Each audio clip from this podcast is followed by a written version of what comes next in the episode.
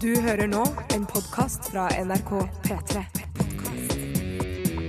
NRK.no podkast. Velkommen til P3 Morgens podkast for Den 8. mai har det blitt!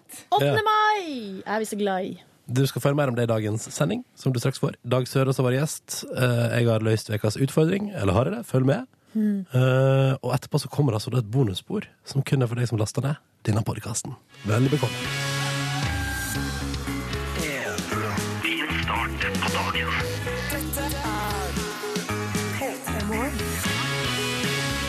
Og da er vi i gang igjen, vi som har ansvaret for NRK P3 sitt morgenshow, sitt morgenprogram. Vi har valgt å kalle det for P3 Morgen enkelt og greit. Og det var disse minner vi om. Dette husker du, Yngve. Du har vært med like lenge som meg, og lenger enn meg, egentlig. Ja, kom Husker du alle navneforslagene som var altså oppe til diskusjon? Å, Jeg husker ikke alle. jeg har ikke vært med så lenge. Nå er jeg nysgjerrig. Hva, er, det, er det mulig å få en uh, Ja, sneak ja. peek? Vi Vet vurderte å ta tilbake Opptur. Ja, det vurderte vi, eh, som var morgenprogrammet til P3 på 90-tallet. Og så husker jeg, var, Det som var irriterende, var at dette var to måneder etter at Morgenklubben hadde begynt på Radio Norge. Åh. Og da, det gjorde jo til at f.eks. mitt favorittforslag, Morgenkalaset, det ble ikke noe av. Det var dumt, da. Ja, ja, det var synd. Eh, Men det hadde jo vært gøy å kalle det Morgenkalaset. Og da hadde jo jeg sluppet for eksempel med min dialekt å kalle det P3 Morgen, som jo er et eget navn. Ergo kan jeg jo ikke kalle det P3 Morgon. Nei. Ah. Jeg hadde jo lyst til at det skulle hete Tull i grunn. Det Ja. var, det var tull da. Eh, Men Morgenstund er tull. Det var jo den der russevitsen, sant? Jeg skulle spille på. Ja, ja, Men, den som står på eh, mange russekort. ja. Ah, fortsett å sende oss russekort! Jeg har helt glemt. Jeg har jo sagt det at vi deler ut T-skjorte til.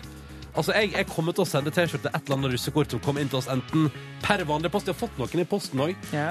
P3 Morgen, NRK 0340 Oslo, eller på vår e-post kan du jo sende oss eksempel en digital utgave. For alle har vel i 2013 har alle en digital utgave av russekortet sitt. Men har man bare tatt bilde av, av kortet? Eller Nei, tror du at folk, i framtida vil folk bare tweete russekortet sitt? Ja, det er mulig at de bare tweeter i fremtiden, men jeg liker jo det originale. Ja. Uh, og så fikk jeg masse russekort på Eid. Det var gøy når vi var der med P3 Samme her. Jeg fikk med telefonnummer. Å, det var ei jente der som bare Silje, ta det her. Ja, jeg er så fornøyd. Ennå, Harry det, ligger, Styles-style? ja, det ligger hjemme på nattbordet mitt, uh, det russekortet der. Der har det liggende Ja. eh, i fall eh, Kjem til å ringe en dag. Ved siden av fasttelefonen din? Hvis det, I fall det blir en booty call da en, eh, Ja. Ikke sant? Ja, ja, ja. Ja, Eh, ja, ja. men i alle fall e-postadressa vår er p3morgen krøllalfa nrk.no hvis du har lyst til å bidra. Og hvis du er russ og er oppe så tidlig, det tviler jeg egentlig på at noen er. Men velkommen skal du være. Mm. Dette er oss, P3 Morgen. Den andre herrestemmen er Yngve. Silje Nordnes er på plass. Jeg heter Yes. Ronny. Og fram til ni i dag så er altså vår oppgave da å lage morgenkalas i programmet P3 Morgen. Og nå med god låt fra tidlig 2000-tall. En sommerhit av de sjeldne. Her er jo Avril Lavigne og låta som heter Complicated. Riktig god onsdag og velkommen inn i vår vesle verden inn i radioen. Topplåt i rekken av topplåter i P3 Morgen i dag har du også nå fått Macklemore og Ryan Lewis og deres da Can't Hold Us. Fordi at det Altså, den låta der, den vil jeg være på fest til. Og så vil jeg synge med Like the ceiling can't hold us. Hvilken festival var det Macklemore skulle komme til igjen? HV Yes, skal spille på sir. Le HV Festival. Da blir det vel fest, da? Ja, det blir nok uh, toppstemning og hæla i taket, da. Uh, som ikke fins, for det er utendørs. Når Macclemore spiller. Hvis ikke jeg skal spille på den bitte lille teltscenen, men det syns jeg høres litt rart ut hvis jeg skal putte Macklemore, storartisten Macclemore, inn i den bitte lille, det bitte lille teltet Du, sitt. sa du tennene i tapetet? Nei, sa hæla i taket. Men da sier jeg tennene i tapetet. Å, Går ikke det heller, fordi det er ikke Det er tapet ikke der. tapet der. Åh, det her blir for moro. Ja, dette her er humorprogrammet, Petter. Nei, vi er ikke et humorprogram. Vi Nei. er et underholdningsprogram Stemmer på morgenen som i tillegg til å prate, spiller god musikk, og her kommer enda en. Dette er en av mine favorittlåter. Et av mine favorittband. Uh, The 1975. Låta du skal få høre etter Chocolate. Skru opp volumet, for dette her er altså så deilig britisk rockemusikk. Muse og Supremacy på NRK P3 når klokka nå straks er sju minutter over halv sju. God morgen til deg som hører på. Nå har eh, produsenten vår Sigrid hatt et sammenbrudd her ute, for hun trodde hun skulle fly med Widerøe i dag. Kom, nesten sånn grå, gråt i øynene og kom og ga Ronny en to, stor klem. Det er Widerøe, jeg skal fly med Men senere i dag. Det var Nei, det. var falsk alarm. Han har bestilt turen sin gjennom Widerøe. Ja, Skal fly med SAS, så da er det ikke noe pes. Men, vi eh, har fått SMS fra en som heter Martin. Han skriver skulle reise på jobb i dag med Widerøe. Ser ikke ut som det blir noe av. Ha enda lengre langhelg! ja, og så spør han går det buss mellom Bodø og Hammerfest. Ja, Ja, Silje, går det buss mellom Bodø og Ja, det gjør vel Du kan vel komme deg med buss oppover der, men um, Du det kommer tror deg ikke jeg hjem igjen i dag. Altså, det tar vel fra liksom Hamarøy til Tromsø, så tror jeg det tar elleve timer Ja. med buss. Og da har du kommet til bare en liten brøkdel. Ja, Så vi ønsker deg lykke til på ferda, eller sannsynligvis lykke til med ekstra lang langhelg. Og så har vi fått mail, eller ikke mail, vi har fått SMS fra Kine, som også er russ, og har eksamen i dag. Ikke mye good time, skriver hun, det tror jeg på. Eh, Og så sender hun morgenklem til alle andre stakkarer som nå er våkne på denne tida av døgnet. Hei, Kine, og velkommen inn eh, i vårt lille opprop, da. Da er Ja. du med oss på SMS-innboksen. Kim her, han har sovet et par timer og er klar for skolen. Bams away, russ 2013. Ho! Så eh, bra, Kim, at du eh, er med i dag også, på 8. mai, selv om du bare har sovet et par timer. Patrick han er ikke russ, men han har levert sin siste eksamen forbi for akkurat en time siden, altså klokka 05.30, på elektronisk måte. da. Og Gratulerer seg selv med vel gjennomført, har døgna, og har endelig hørt på oss igjen, da, siden han er oppe såpass tidlig. Så det eh, God morgen, Patrick, og velkommen du også i vår lille SMS-innboks i dag, og som lytter til dette radioprogrammet, P3 Morgen. Og så ser jeg at Stig også skriver God morgen, godt folk. Det er siste dag før helg, og det er jo fort det. Soløl, pizza og vin. For en helg dette skal bli, står der. jeg er enig med Stig. For en helg dette skal bli. Ja, vi må huske på at det er jo noen som skal på jobb på fredag òg. Ja. Og det er også Og hyggelig. Fordi da kan du være litt sånn, ta det litt med ro på jobben og være litt alene og få litt tid til å, til å tenke og reflektere og sånn. Det er koselig. Ti minutter over halv sju. Her er Marion Ravn.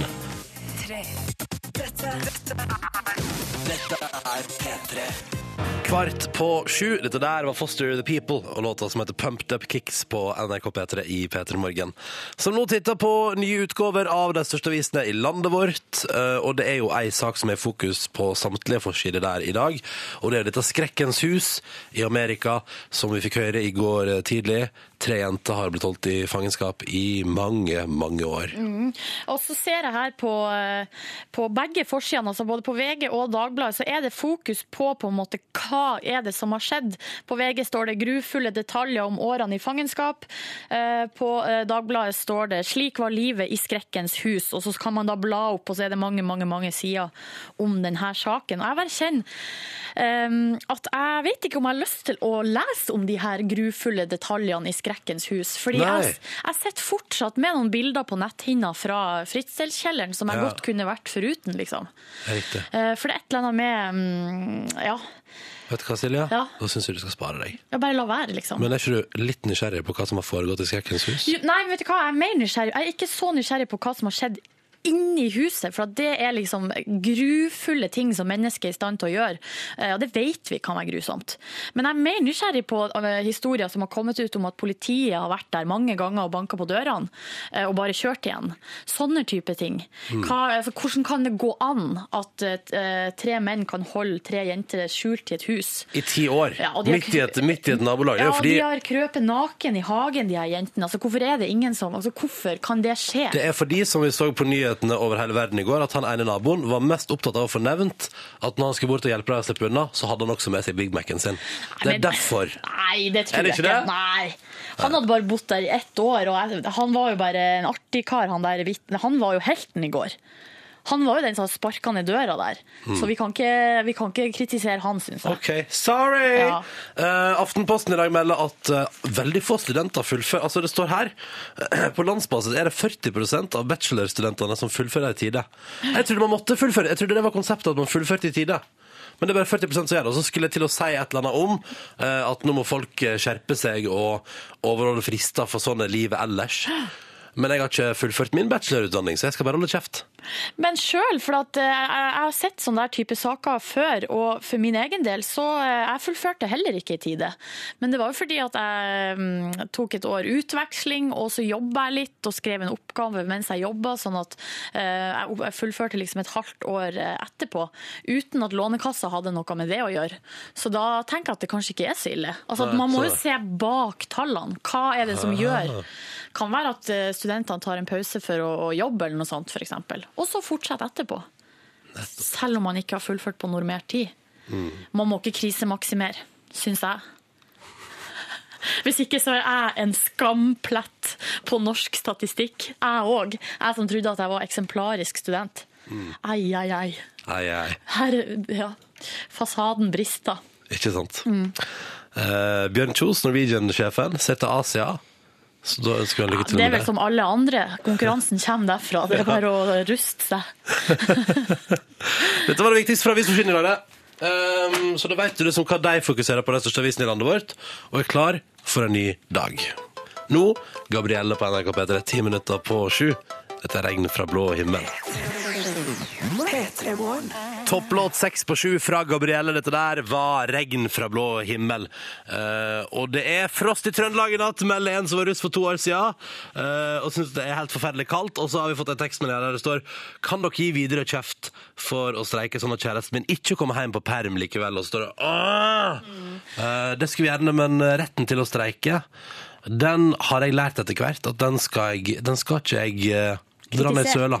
Men uh, det er en som heter Rikke her, som også uh, kommenterer noe om den streiken her. Og hun skriver her i Vadsø har vi allerede vært ramma av streiken blant bakkepersonalet siden 12. april. Men det var det ingen som brydde seg om? om. Det var, nei, tydeligvis ikke. Det vil si ingen fly inn eller ut på snart en måned. Snakk om isolasjon pga. tidenes mest primitive og utdaterte institutt. Wow, det var litt um, Hva slags institutt da? Nei, det er vel Widerøe hun mener, da. Tror du det? Eh, ja. Eller eh, firmaet som eh, leverer bakkepersonale. Eh, uansett, så det synes jeg er litt interessant. Så det har vært streik en måned uten at noen har brydd seg i media. Mhm. Wow. Eh, det visste jeg ikke. Så, så utrolig vet du, Av og til Nord-Norge beklager oss, men av og til så blir dere behandla som dritt eh, av hovedstadens medier. Ja. Og jeg vil ikke være en del av det.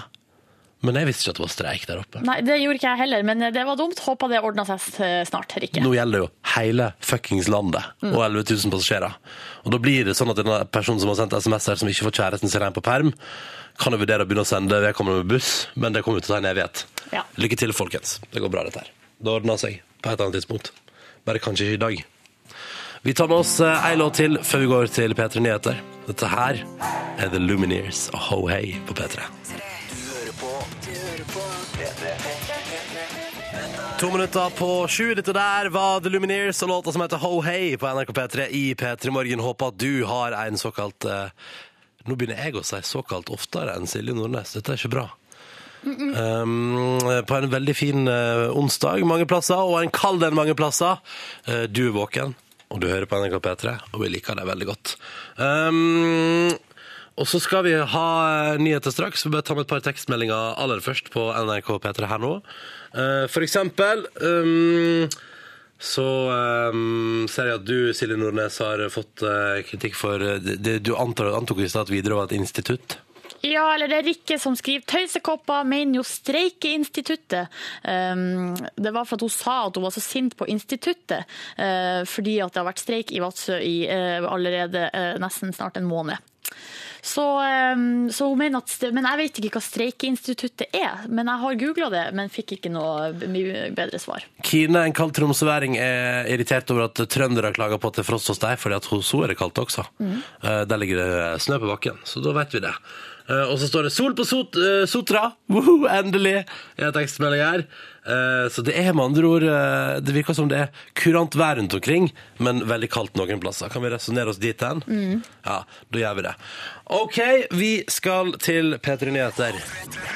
Dette er P3. Seks minutter over sju. God onsdag. Dette her var Justin Timberlake og Mirrors.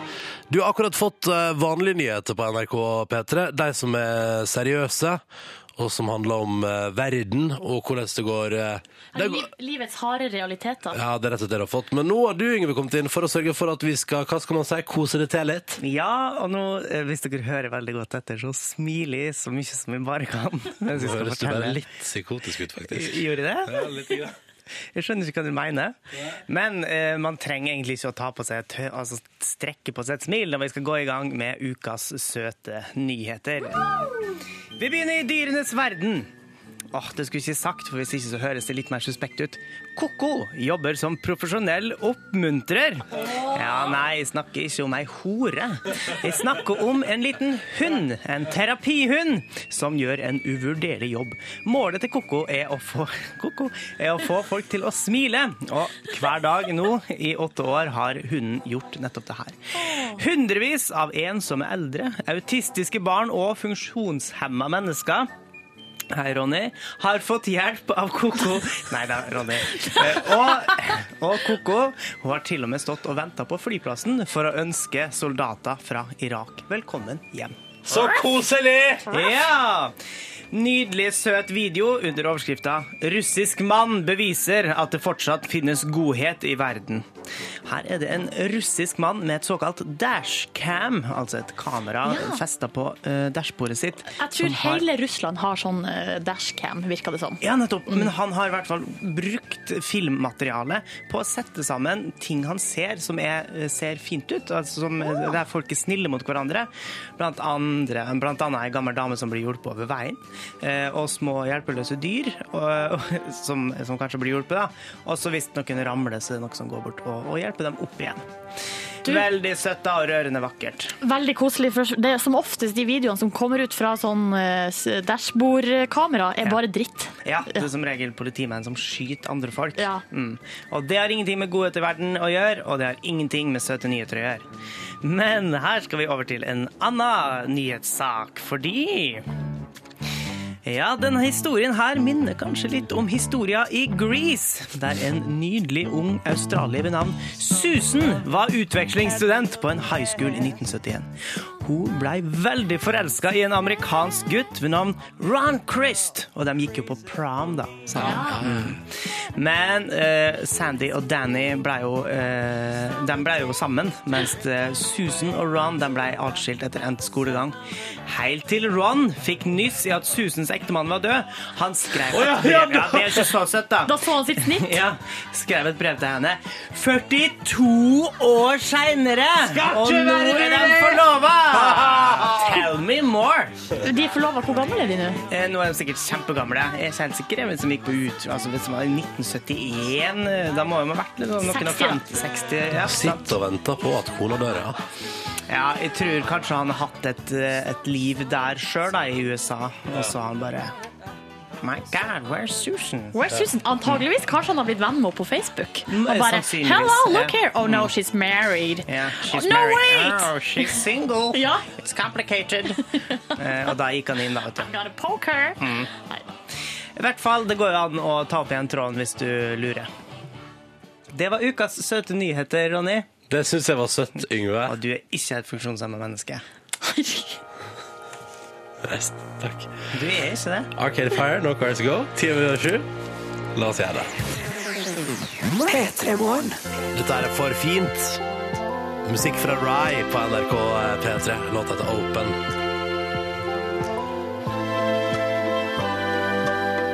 Vet du hva Rye egentlig heter, Silje? Nei. Michael Miosh. Hæ, Det er en mann. Er det en mann? Det er en mann. Jøss. Hæ? Var ikke det fint? Jo. Hæ? Ja, jeg liker det. Mm. Klokka den er snart ti minutter på halv åtte, og jeg har lyst til å ta et lite kultursveip, som jeg liker å kalle det. Jeg vil gå innom et par saker som jeg syns eh, er verdt litt oppmerksomhet i mediene i dag. Få høre. Eh, Gladsak først, da. OK. Eh, det har vært en fotoseanse i LA der, der da Elton John, typen til Elton John, Å, og ja. Neil Patrick Harris skulle ta bilde sammen. Ja. Og så er det jo fotograf over hele linja, så det får vi fange opp da at typen til Elton John eh, altså tar et realt grepa tak bak der og tenker at dette legger jeg merke til. Og rett og slett grafser på ræva til Neil Patrick Harry, Harris, also known as eh, altså Barney, How I Met Your Mother og, og alt mulig annet han har drevet med. Eh, og det syns jeg altså er så fint, og det skal man huske på at hvis du er i en setting der du blir tatt bilde av, så står det sannsynligvis en fotograf bak også og får med seg rumpegrafsinga. Men hva sier Elton John om det her? Sier historien noe om det? Ingenting. At eh, typen hans driver og tafser på Neil Patrick Harris? Som er en mye yngre eh, gladhomo fra Ja, riktig. land. Altså, jeg ser for meg, nå det, nå er jo Neil Patrick Harris eh, Han er vel eh, lykkelig Jeg vet ikke om han er gift, men han hvert fall, han har en type, i hvert fall, og de har unger og alt mulig. Men um, se for deg det trekantdramaet med liksom Elton John. Eller Silje? Silje? Silje? Se for deg hvis det bare ikke ble trekantdrama, bare trekant den kvelden. Ha en fin dag med det bildet i hodet. Ja, en annen sak. ja, okay, Lindsay takk. Lohan sier at kokain er dritt, men at hun elsker ecstasy. Og med den nyhetssaka fra tmc.com, så tenker jeg at der nå vil ikke jeg ha en eneste nyhetssak ever again i hele livet mitt om Lindsay Lohan. Jeg er ferdig, jeg er mett, jeg orker ikke mer. OK, greit. Og så reiser vi innenriks til Norge. One Direction er på besøk og koser seg altså verre. De driver og shower utenfor Telenor Arena. De driver og trasker rundt i Oslos gater, spiser middag på et fyr i Oslofjorden og får kutt i fingeren. Ja. De driver og uh, kysser på fansen sin og er generelt sett elskelige, i motsetning til et visst annet tenåringsidol som var i Norge for noen uker siden og ikke gadd å bry seg om fansen sin. Er, er det midten Justin Bieber du snakker om. Det er det jeg tenker på. Og så skulle jo Harry Styles forlate dette hotellet oppe i Holmenkollen i går, ikke sant? Og det var en vakker dag. Og da vil jeg bare si her nå eh, Han kom ut hovedinngangen der, og du ser at han er klar for å ta en liten hilserunde på fansen. Og hvis du da har i bakhodet at de har stilt opp på alle eh, for alle fans de har møtt hittil på besøket sitt i Norge, Ja. så er det altså da en 16 år gammel jente som tenker sånn jeg bryter denne sperringa, jeg stikker og klemmer han, og det skaper jo total panikk, og det fører jo til at sikkerhetsvaktene bare drar med seg Harry Styles inn i turnébussen. Sånn at de 100 jentene som sto der, ikke fikk hilst på idolet sitt og tatt bilde med idolet sitt. Så det var hun ene som ødela, da? Det stemmer. Men hun, vet du, er jo altså da Jeg håper ikke hun er et eksempel på oppvoksende ungdom, for hun er altså det mest arrogante svinet jeg har lest om. Okay. Hennes kommentar til VG-nett er Jeg angrer ikke, jeg har ikke dårlig samvittighet. Hvis ikke jeg hadde gjort det, hadde noen andre gjort det. Jeg tror ikke at han hadde tatt hilserunde uansett. Jeg er bare fornøyd. Dette er mitt aller første møte med Harry Styles, sier 16-åringen i en kommentar. Og da sier jeg at det er ikke sånn verden skal fungere. Egoismen rår, altså. Fy faen, unnskyld meg. Men jeg tror ikke det blir noe mer mellom hun og Harry Styles. Det blir jo ikke det. Nei. Og så provoserer det meg at uh, hun går inn med den attituden med Hadde ikke jeg gjort det, hadde noen andre gjort det. Det som jeg får lyst til å si nå åh, Jeg har så lyst til å nyte sola. Jeg må, gjøre det før noen, jeg må gjøre det før noen andre i Petter Morgen gjør det. Ha det bra. Altså Hvis ikke jeg gjør det, så gjør noen andre det. ikke sant? Skal du bare gå nå? Jeg først! Og meg etterpå! Egoismen rår! OK, nå går Ronny ut. OK. Ja, OK, jeg må bare gå rundt her. Det her er jo kjempe... Hallo. Jeg bare setter på en sang. Og så eh, håper jeg at Ronny kommer tilbake snart. Skal vi se. Der, ja. Satt på radioaktiv, jeg. OK, eh, jeg må bare gå og hente Ronny. Det har klikka for han. Eh, Vi snakkes.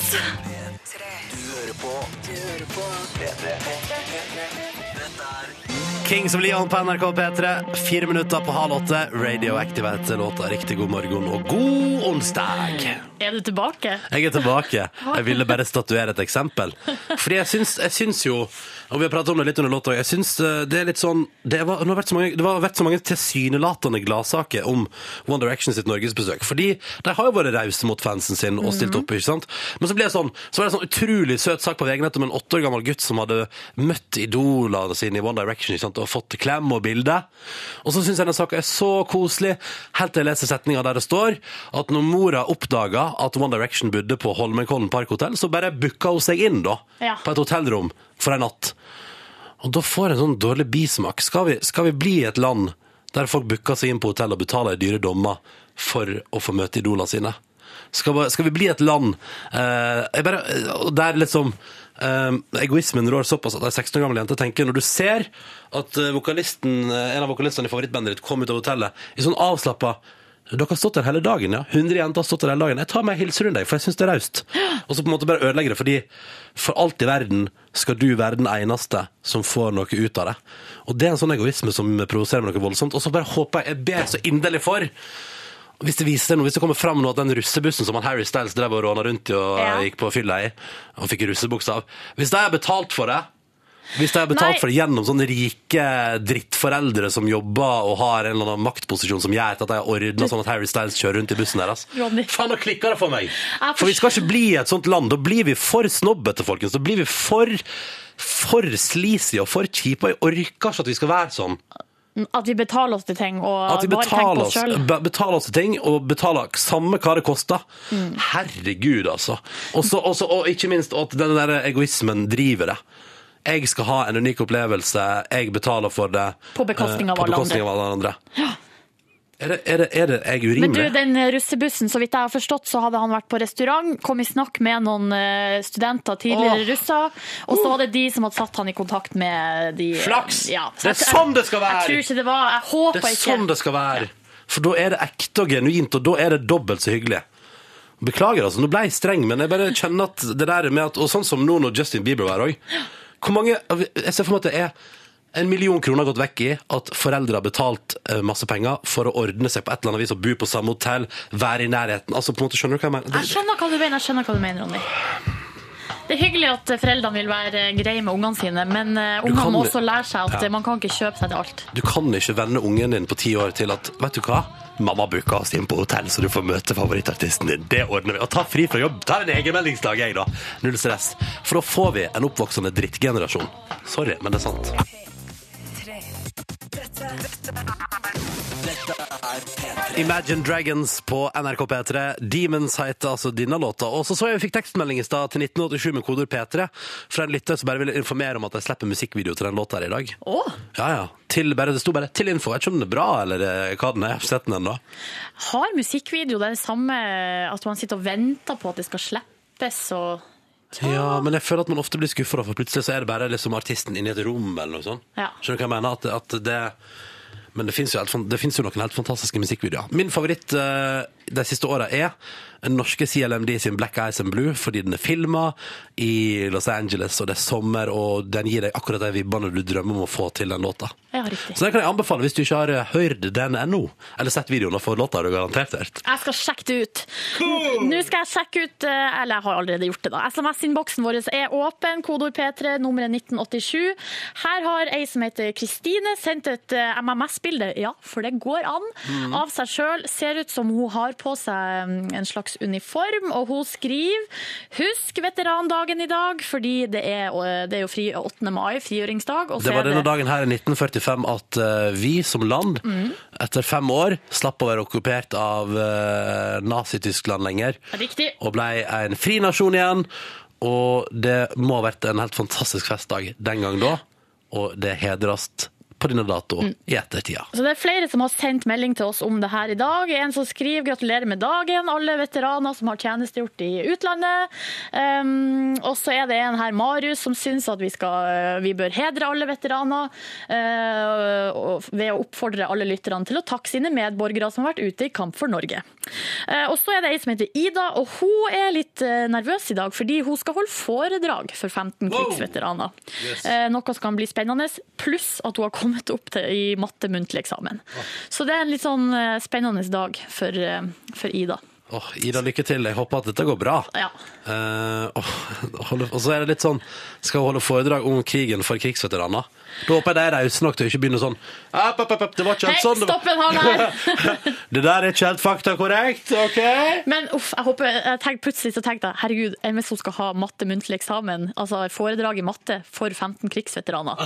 Da blir det plutselig noe helt annet. Det blir veldig rart. Ja. Uh, men lykke til, og takk for melding til 1987 med kodeord P3. Det er en eh, deilig onsdag. Det ligger en langhelg foran oss. Det later til å bli fint dette her, folkens. Og for å toppe det hele Låta, En av de flotteste låtene jeg vet om i hele verden. Dette er The Killers, Mr. Brightside, på P3.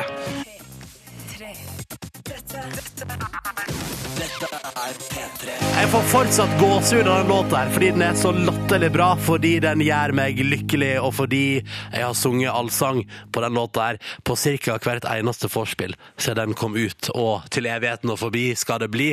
Tom André skriver at det er fredagsstemning i bilen hans, i alle fall med den låta her.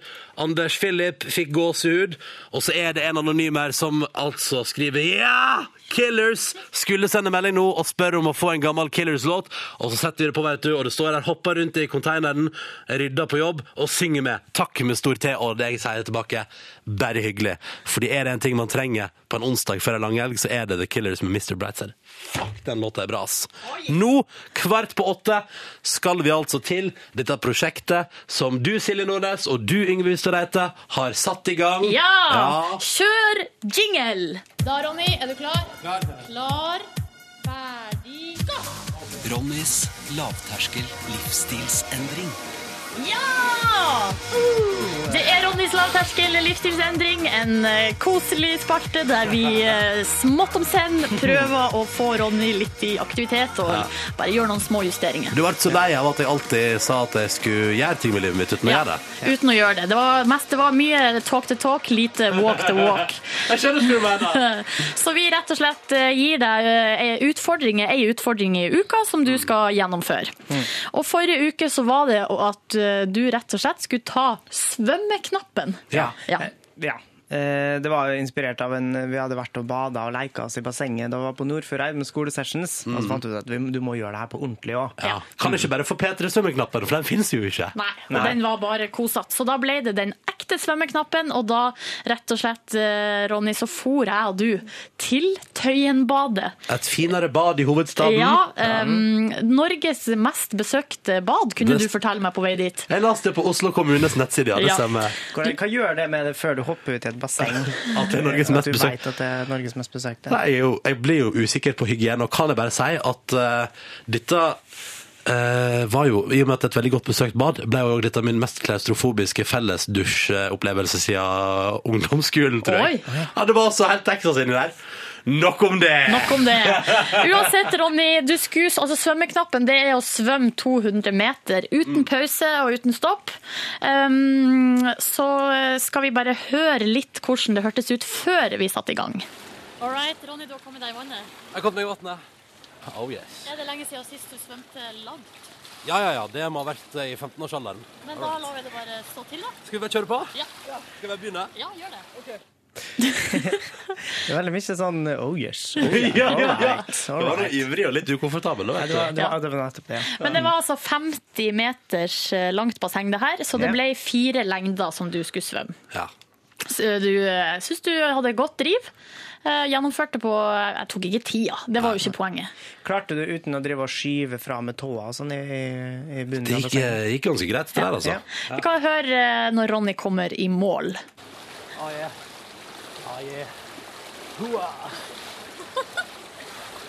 Lavmælt målgang. Om 200 meter. Jeg syns jeg syns jeg får andpusten til at det bare er 200 meter. Jeg forstår ingenting. Men Du har gått litt for hardt ut. jeg tror det. Gikk litt for hardt ut. Ble sliten, da. Ja, jeg ble litt sliten. Men så skulle det vise seg at uh, du var jo helt uh, Altså Etterpå så sa jeg sånn Men du, når vi først er her, hva med å bare svømme litt mer? Og da sa du oh yeah. Og så var vi jo først vi, altså, vi hadde jo kommet oss ut av badet, vi hadde betalt Ja. inngangspenger, og jeg hadde dratt opp på med badeshortsen og var klar. Liksom. Og de 200 meterne, det tok vel kanskje ti minutter? Jeg vet ikke, søren. Ja. Altså, vi kunne ikke fære da. Nei. Så da sa jeg til Ronny Du Ronny, kan vi bare svømme 1000 meter her? Tar det litt sånn eh, skritt for skritt? Ta litt pause og sånn? Og det gjorde vi. Og det gjorde vi! Det gjorde vi. Yes. vi 1000 meter! Yeah! Og da, Oi, oi, Ronny, oi. helt til slutt, så har jo jeg da selvfølgelig en hilsen til deg fra generalsekretær i Svømmeforbundet, Bjørn Soleng! Skal vi høre på? Det er Ronny, ja.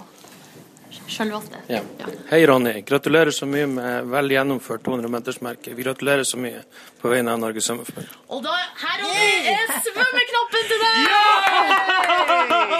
En fysisk svømming! Nei, Ja! så gøy! Pakka inn i en bitte liten plastpose. Å, den var søt og det- ekstremt lavmælt, den også, på Er det vis. en pins, eller er det en nål? Det er nål. her er en nål. Ja. Wow! En helt egen svømmeknapp til meg! Ja! Så koselig!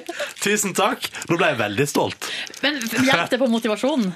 Ja, det syns jeg. Ja. ja, ja, ja. Noen små gulrøtter sånn underveis, det kan være fint. Det kan være fint. Nei, det, tusen takk, så gøy. Ja. Da har jeg fullført 200 meter og 800 til. Vi må si takk til Bjørn, da, for svømmeknappen. Takk, takk. Dette er P3. Ah, Foles, my number. NRK P3, to minutter på åtte. God onsdag. Den 8. mai, altså. Frigjøringsdagen. Det er derfor det flagges, hvis du lurer og har glemt det. Mm. Uh, du hører på P3 Morgen. Jeg står der og koser meg med min svømmeknapp. Jeg er fornøyd og lykkelig. Men du har ikke tatt den på deg? Nei, men det er fordi jeg har ikke hatt tid til å sjekke ut patenten. Nei. Ronny har jo også fått svømmeknapp fordi han har svømt 200 meter uten stopp. Men sånn svømmehall syns jeg er litt sånn Det var litt uh, lenge siden sist, og så husker jeg ikke helt kutymen. Kan jeg oh, ja, etiketten. Uh, Ja, ja, for, ja men jeg synes det er litt sånn tricky, så, svømmehallkjøret. Ja. Må jeg, må jeg dusje naken før jeg går inn i bassenget? Eh, er det, hva, hva driver folk med? Hva er trenden for tida? Eh, fordi at eh, når man gikk på ungdomsskolen, og sånn, så kjørte man bokser under shorts, men det gjør man vel ikke lenger? Gjør man det? Vet du hva, du må ikke spørre, for er det én kan- ting og- jeg syns er merkelig med gutter, så er det den der bokseren under Ja, altså, jeg, badeshortsen. jeg droppa det nå, da. Ja. Hadde bare på meg badeshorts. Og, og kan jeg bare gå rett i badstua etterpå med badeshortsen på? Eller syns alle andre nakne menn at, liksom er, at det liksom ikke passer inn da, i liksom imaget badstueverden? Mange spørsmål, skjønner jeg. Ja, Mange nei, jeg syns det er vanskelig. Jeg tror ikke det er så nøye. Så lenge du dusjer og vasker deg litt under armene og i, i hakket, så er det vel greit. Før I du går hakket, faktisk. Ja. Vi får straks besøk i P3 Morgen av en av de morsomste mennene i det landet her. Mm. Og han har lest inn en Borgen-hilsen til oss. Vi skal høre på den. Hei, det her er Dag Sørås, og jeg revurderer hele min eksistens hver eneste morgen. Men jeg gleder meg til å være med på P3 Morgen, så vi høres der. Vi høres der, eh, og det skjer nå straks om bare Få minutter. La oss si eh, seks minutter. Ja, Det høres ut som et et bra resonnement tidsmessig. Ja. Eh, og Hvis du har spørsmål til Dag Sørås, er det bare å begynne å pepre vår innboks med det. Kodeordet P3, og nummeret er 1987. Du hører på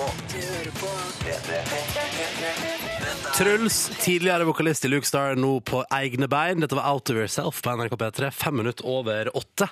Og jeg som heter Ronny og Silje Nordnes her, kan endelig si velkommen, Dag Sørås. Hjertelig takk. Hyggelig å være her. Eh, tidlig. Eh, Ja, jeg, jeg, jeg er vant til å være våken på denne tida av døgnet, men jeg er ikke vant til å være tvungen inn i en sosial setting såpass tidlig. Velkommen skal du være. Ja, takk, takk. Kaffeslabberas, det er det vi kjører her. Ja, nei, men det, Jeg er glad i kaffe, så det er tipp topp. Du, det er bra.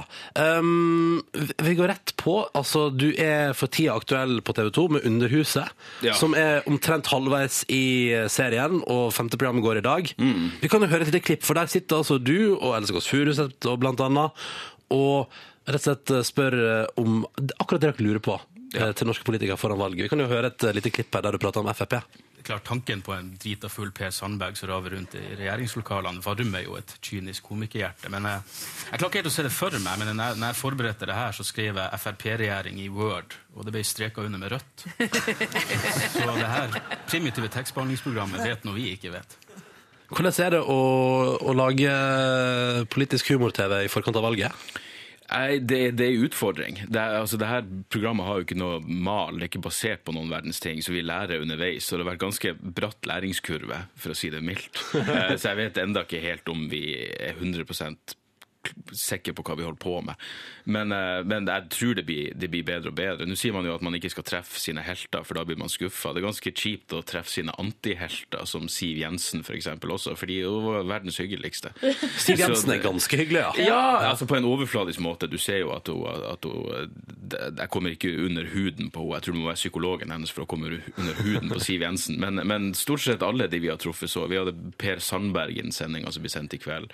Og han var også hyggelig. Så, eh, så eh, det, har gått, det har gått fint. Men eh, det, politikere er jo profesjonelle avbrytere. Og når Ja. de går inn på autopiloten sin og bare kjører på med ting som er innøvd, så er det veldig vanskelig å bryte inn. Og jeg er en ganske, jeg, men- jeg, mener, jeg er en storkjeft på scenen, men jeg er en ganske høflig person Ja, så- ellers. ja. Så det å bryte inn og begynne å avbryte de folkene er en utfordring. Så i altfor mange tilfeller har jeg bare lent meg tilbake og holdt kjeft, Mm. som, som ikke nødvendigvis blir, blir bra TV. Men eh, ja, som jeg sier, så lærer man underveis. Men programlederen i programmet er jo Katrine, er jo nyhetsdame. Mm. Hvordan er det liksom å samarbeide som komiker med nyhetsfolk? Det har vært lett. Jeg, tror det er lettere enn om hvis hun var en annen komiker, for da blir det ego-greien kommer inn, og hvem som skal prøve å være morsomst og ditt og datt. Så, så hun er veldig profesjonell og holder kontroll på ting. Eh, Så, så det har gått overraskende fint. Jeg, jeg, var jo, jeg hadde liksom en sånn stereotyp forestilling om at de nyhetsfolkene var verdens tørreste mennesker, men både hun og hele redaksjonen har vært eh, særdeles hyggelig. Ja. Så det har gått overraskende lett. Jeg mener, vi brøyt isen ganske fort. Mm, Men du, nå lurer jeg på, for nå har dere jo spilt inn, og, og du har møtt eh, alle disse politikerne. Hvem sitter igjen og tenker sånn Fader, han eller hun kunne jeg gått på en real fyll i lag med? Det er nok Kristin Halvorsen. Det er det, ja. si det. Ja, hun var, jeg mener, det hadde jeg nesten regna med, men hun, hun, hun var den som, var, eh, som hadde det mest sprudlende humøret, og som virka mest sånn genuint oppriktig hyggelig. Så, eh, så eh, det er den typen mennesker jeg automatisk føler jeg får kontakt med, de som du liksom føler jeg er nøyaktig som, som de er. Det er ikke noe maske eller noe, noe pissprat. Så, um, så hun levde opp til Jeg vet ikke om det var forventningen hun levde opp til, men hun var, var veldig hyggelig. Mm. Hvem føler det, Var det Siv Jensen som hadde mest maske på seg, føler du? Ja, jeg tror nok det. Eh, selv om jeg tror ikke Per Sandberg hadde så lyst til å være der i går heller. Men han, eh, han, han løsna Det, det, det, det, det ordna seg etter hvert. Men, Kunne det eh, blitt en bra kveld med, med Per Sandberg òg, tenker jeg. For all del, men vi har jo det samme forhold til alkohol, så sånn sett så er det nok det helt fint. Eh, vi skal prate mer med Dag Sørås straks. Hvis du som hører på spørsmål, så er det bare å sende inn kodeordet P3 og nummeret er 1987. Her er nye til Lars Vaular på NRK P3 10 over 8. Dette er Nonsens i P3 Morgen. Ny låt fra Lars Vaular på NRK P3. Nonsens, 12 over 8. Og vi i P3 Morgen har besøk av Dag Sørås, som du for tida ser i det politiske valgorienterte programmet Underhuset på TV 2. Um, men hvordan eh, jeg skulle si, Er det noe sånn Når du på en måte jobber med å skulle stille politikere til, til veggs og, og finne ut det du egentlig lurer på om dem, hva, klarer man å bli kvitt, kvitt tåkepraten? Nei, det er veldig vanskelig. Altså, det, vi prøver jo å være litt personlige i starten, for, bare for å spore dem av der, den autopiloten som de bestandig er på. Men du merker at straks du kommer inn på politiske tema, så er det et eller annet, du ser det i øynene på dem, at du skifter om og blir denne jævla robåten som har, som har det, innøvde, det innøvde materialet. Og så er det jo, som jeg sier, det vanskeligste er det å komme til. Pluss at ting blir jo klept bort. Så liksom, jeg syns mange av de beste spørsmålene jeg hadde, har, har blitt fjerna fra programmet. Blant annet når vi hadde Hareide fra Kristelig Folkeparti, så hadde vi en lang debatt om abort, hvor hele greia bare ble fjerna fordi de syntes det ble for mørkt. Men jeg synes det jo- ble for mørkt, ja, faktisk. Men jeg syns jo selvfølgelig det var den mest, den mest interessante delen. Men, men det er vanskelig. Du, det, det, er liksom ikke, det er ingen av de her folkene som jeg har SMS-a med i ettertid. Jeg, det eneste Trine Skei Gandre fra Venstre har jeg krangla med på Twitter i ettertid. også. Har du det, ja? For hun, det var et eller annet om Snåsamannen. Hun var en stor tilhenger av Snåsamannen, og eh, det er ikke jeg. Men du, går du inn i det der med Prøver du å være objektiv, eller er ikke det noe mål?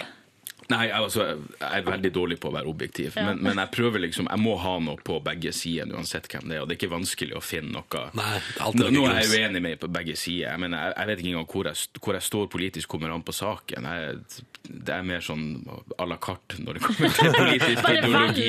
Jeg velger litt her og der. Ja. Så, så så langt så har det gått veldig greit å, å finne og ta begge sidene på. Men etter hvert, altså, så, som sagt, den sendinga som går i kveld, hvor det er Per Sandberg mot ei fra Arbeiderpartiet, jeg hadde mer kritikk av Per Sandberg. Ja. Ja, ja. Sånn Men blir det bare. Du, Dag, du sa at uh, det hele abortpraten ble litt vekk fordi det var for, var for mørkt. Du er en ganske sånn mørk uh, komiker. Um, Jeg, når, jeg syns ikke det. Uh, Men jeg, jeg bare prater om hva som detter inn i hodet mitt, og så er det andre som oppfatter det som mørkt og deprimerende. Men jeg er ganske glad, så det må jo være misoppfatning en eller annen plass. du er jo du er jo litt sånn hard og sånn. Jeg syns det er veldig morsomt, men har du opplevd Eller hvor, hvor ofte opplever du at der gikk jeg over grensa foran et publikum? Uh, mindre og mindre nå som jeg, som jeg drar mitt eget publikum. Jeg, jeg får litt mer folk som vet hva de kommer for å se. Ja. Men hvis jeg er på en sånn klubbkveld på Latter eller, eller en eller annen plass hvor det er masse forskjellige komikere, så blir det fort Jeg mener, Sist gang jeg sto på, på Josefine Som er sånn eh, standup-vertshus i Oslo. Så var det masse folk som røyste seg og gikk. Oh, ja. Er det sant? Eh, og jeg vet da faen hva det var jeg prata om, men det var et eller annet som bare ble feil. Kanskje jeg bare var elendig den kvelden. Det var sikkert en, kombinasjon. Men uh, da, idet de gikk, så, så, kom, så gikk det opp for meg at jeg egentlig savna det litt.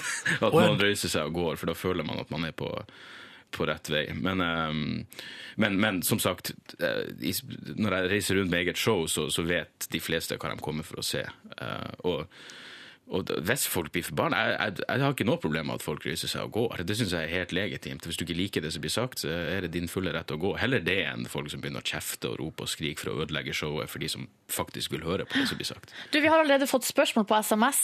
Det er jo litt sånn, det er jo en debatt der, er mye snakk om hva som er lov å tulle med og ikke, men en som spør de jentene i det huset i USA, er det sånn som man kan tulle med? I så fall, når er det greit?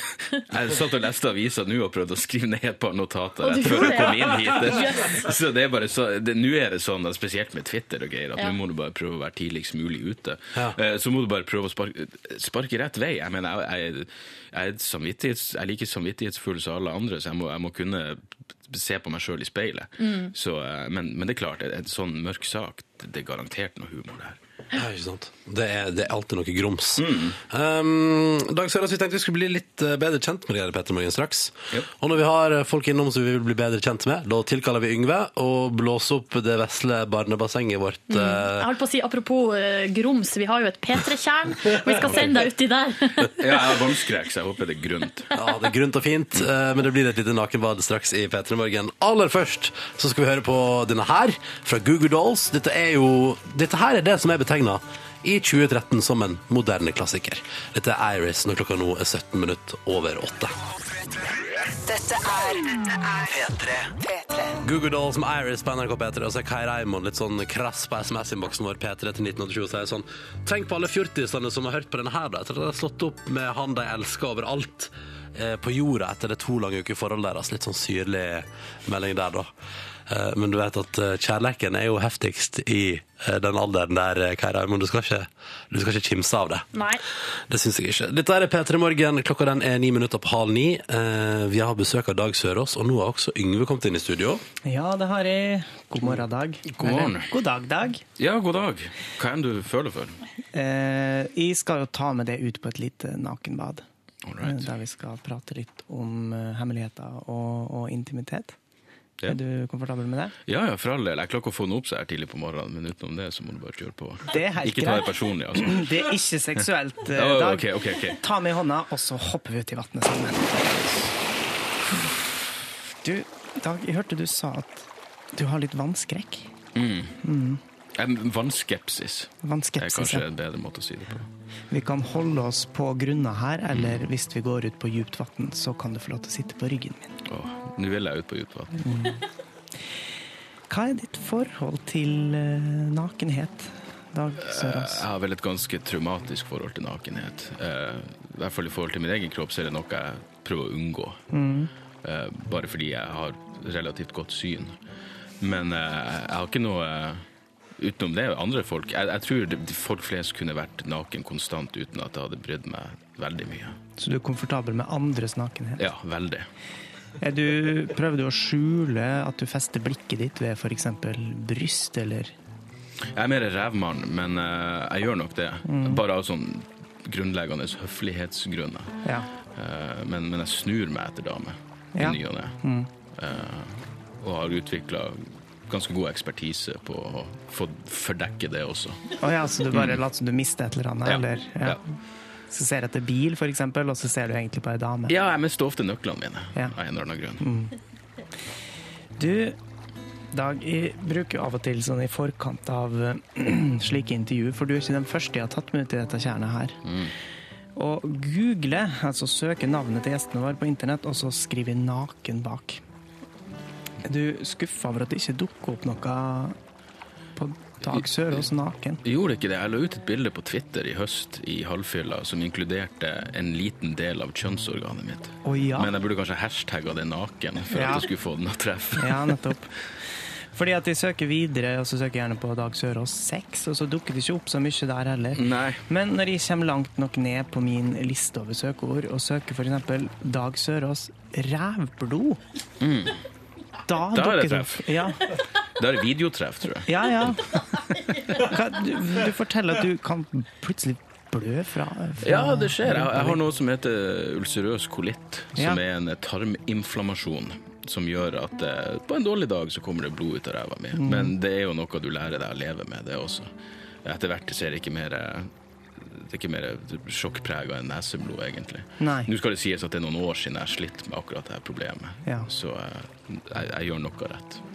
Men Og så går jeg på forebyggende medisin. ja, nettopp. Føler du at internett fanger litt når du snakker om sånne ting? Eller du er ikke, du er ikke Jeg har ikke så jeg, vet, jeg har ikke så mye skam på sånne der greier, og livet er ganske kort. Ja. Så eh, det er ikke så nøye om folk vet at jeg blør ut av ræva. Jeg, jeg er ikke på jakt etter noen nye partner. Jeg har det jeg trenger her i livet, så Ja, du, er, du er opptatt, du er en holden mann. jeg, jeg er fornøyd, rett og slett. Men du som komiker, jeg er bare nysgjerrig.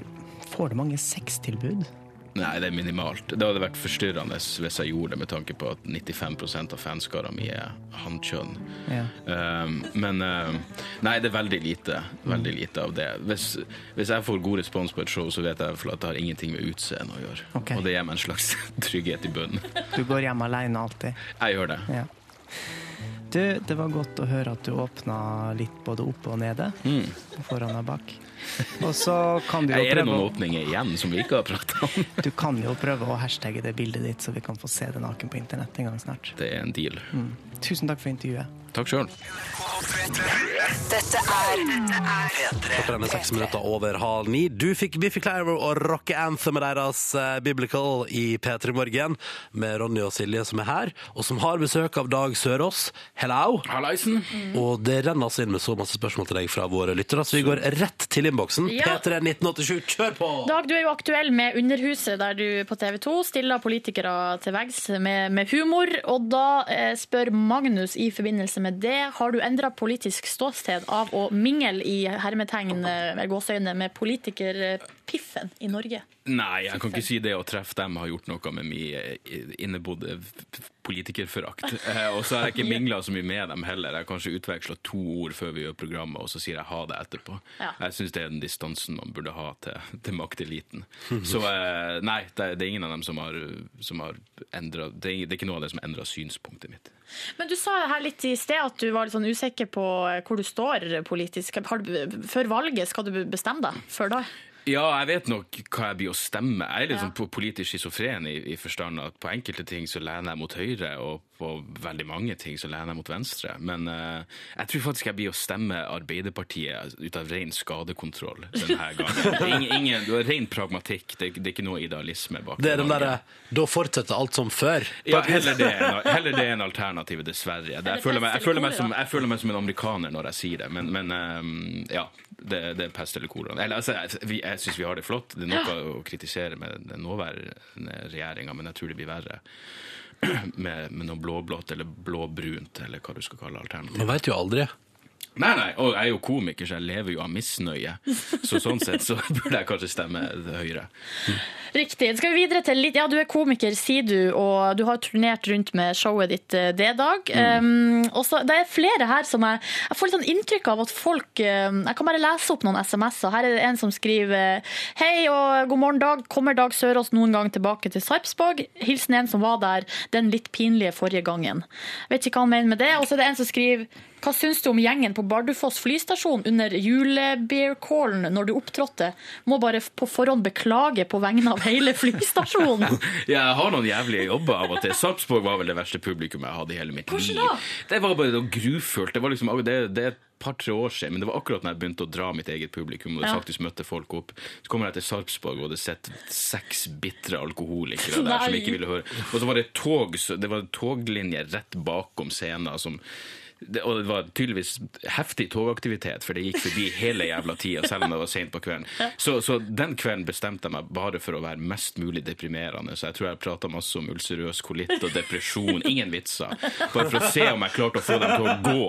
For jeg visste at de var der kun fordi det var den eneste plassen som ville servere dem. Ja. Så jeg ville gjøre deres opphold der mest mulig miserabelt. Men du har ikke vært tilbake i eh, Sarpsborg? Nei, det er når de får plassene jeg vurderer å aldri oppsøke igjen. Men, men jeg skal gi dem en ny sjanse. Enn på Bardufoss flystasjon, hva som Hva skjedde der? der? Hvis jeg forstår han rett, så var de vel bare maurings drita full. Og det var egentlig hyggelig, for jeg hadde flydd opp i Bardufoss og skulle vel gjøre en halvtime, men slapp unna med ti minutter. Herregud, det er ingenting å klage på. Joiner deg på grisefyll på flystasjonen her etterpå? Ja, ja nei, da, jeg, jeg måtte fly tilbake ganske umiddelbart, men det var like greit. Ja. All right, da går vi videre til siste post på programmet. Det er vår spørsmålsrulett. Ok. Trekk deg et tall. Veldig tall. Vi har en bakebolle full av lapper. Og på lappene står det tall, og bak tallet skjuler seg et ferdig innspilt, førhåndsinnspilt Tolv. spørsmål. Tolv. Yes. Da kjører vi spørsmål nummer tolv til Dag Sørås, og her kommer det. Les den siste tekstmeldingen din. Oi, den er lenge siden vi har fått. Den siste tekstmeldinga mi. Det, det telles ikke den du har fått fra oss, hvis du har fått noe fra oss. Ok, det er Hei, vi beklager forsinkelsen på din S4. Ny leveringsdato er i morgen 8.5. Er det Widerøe? Det er Elkjøp. Oh, ja. Jeg har bestilt meg en ny telefon. S, uh, Så hvor spennende var den? Nei, jeg Har du noen som, ikke, som er på, av mer privat karakter? Uh, så vi ser Ja, Kristian Christian Mykleseth, som er han som er sjefen i Underhuset, skriver um, Herlig Twitter-diskusjon. Tror Trine Skei Grande liker deg innerst inne. Spill kostbar. så det er vel det siste jeg har fått som har noen form for interesse. Men du, Hvilken type er du på SMS? Eh, eh, jeg er komfortabel på SMS. Nå får jeg så sjelden meldinger at det liksom, jeg lyser opp når det, når det piper i, eh, piper i telefonen. Men la oss jeg- si at du skal si et eller annet til noen. Ringer du, eller sender du en og tekstmelding? jeg sender en tekstmelding. Ok, Og jeg, i, i det lengste. Og jeg skriver ikke på dialekt. Nei. Oh, ja. Det syns jeg er forkastelig. Oh, ja, Og er provoserende. Og, og døden for det norske språk. Eh, og så bruker jeg kun smileansikt når jeg skriver til Hortskjønn av en eller annen grunn. Jeg vet ikke Du, hva for det var er det jeg for skulle noe. spørre deg om, for jeg kjenner noen andre som er litt sånn, eh, litt samme type som deg, litt uh, mørk og litt Ja. eh, tøff, men er altså de hardeste på smiley-bruk. Ja, men det sier så mye. Og du får uttrykt sarkasme og blidhet og alt det der. Så, så jeg syns egentlig det er helt uvurderlig. Favorittsmiley. Det er blinketryne. Ja. Blinketryne. For da kan du si hva som helst.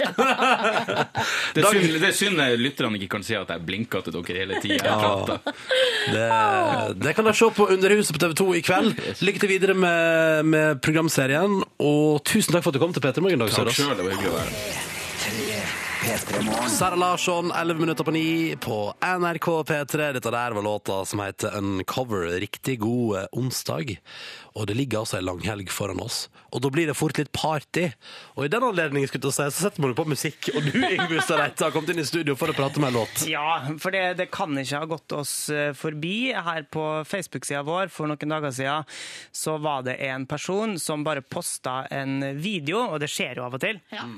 Eh, Som bare, det sto ingenting mer enn eh, videoen som heter Bubben og Yogi, det er gruppa altså, med sangen Kukvask. Og eh, så tenkte ikke vi Jeg vet ikke om noen av oss trykka inn sånn umiddelbart. Men Jeg har den hørt på den, ja, Ja. men den fikk etter hvert eh, forferdelig mange likes. Ja. Eh, Opptil 100 likes, og det er jo liksom, det er ikke så vanlig når, når det ikke er noe som ligger framme. da.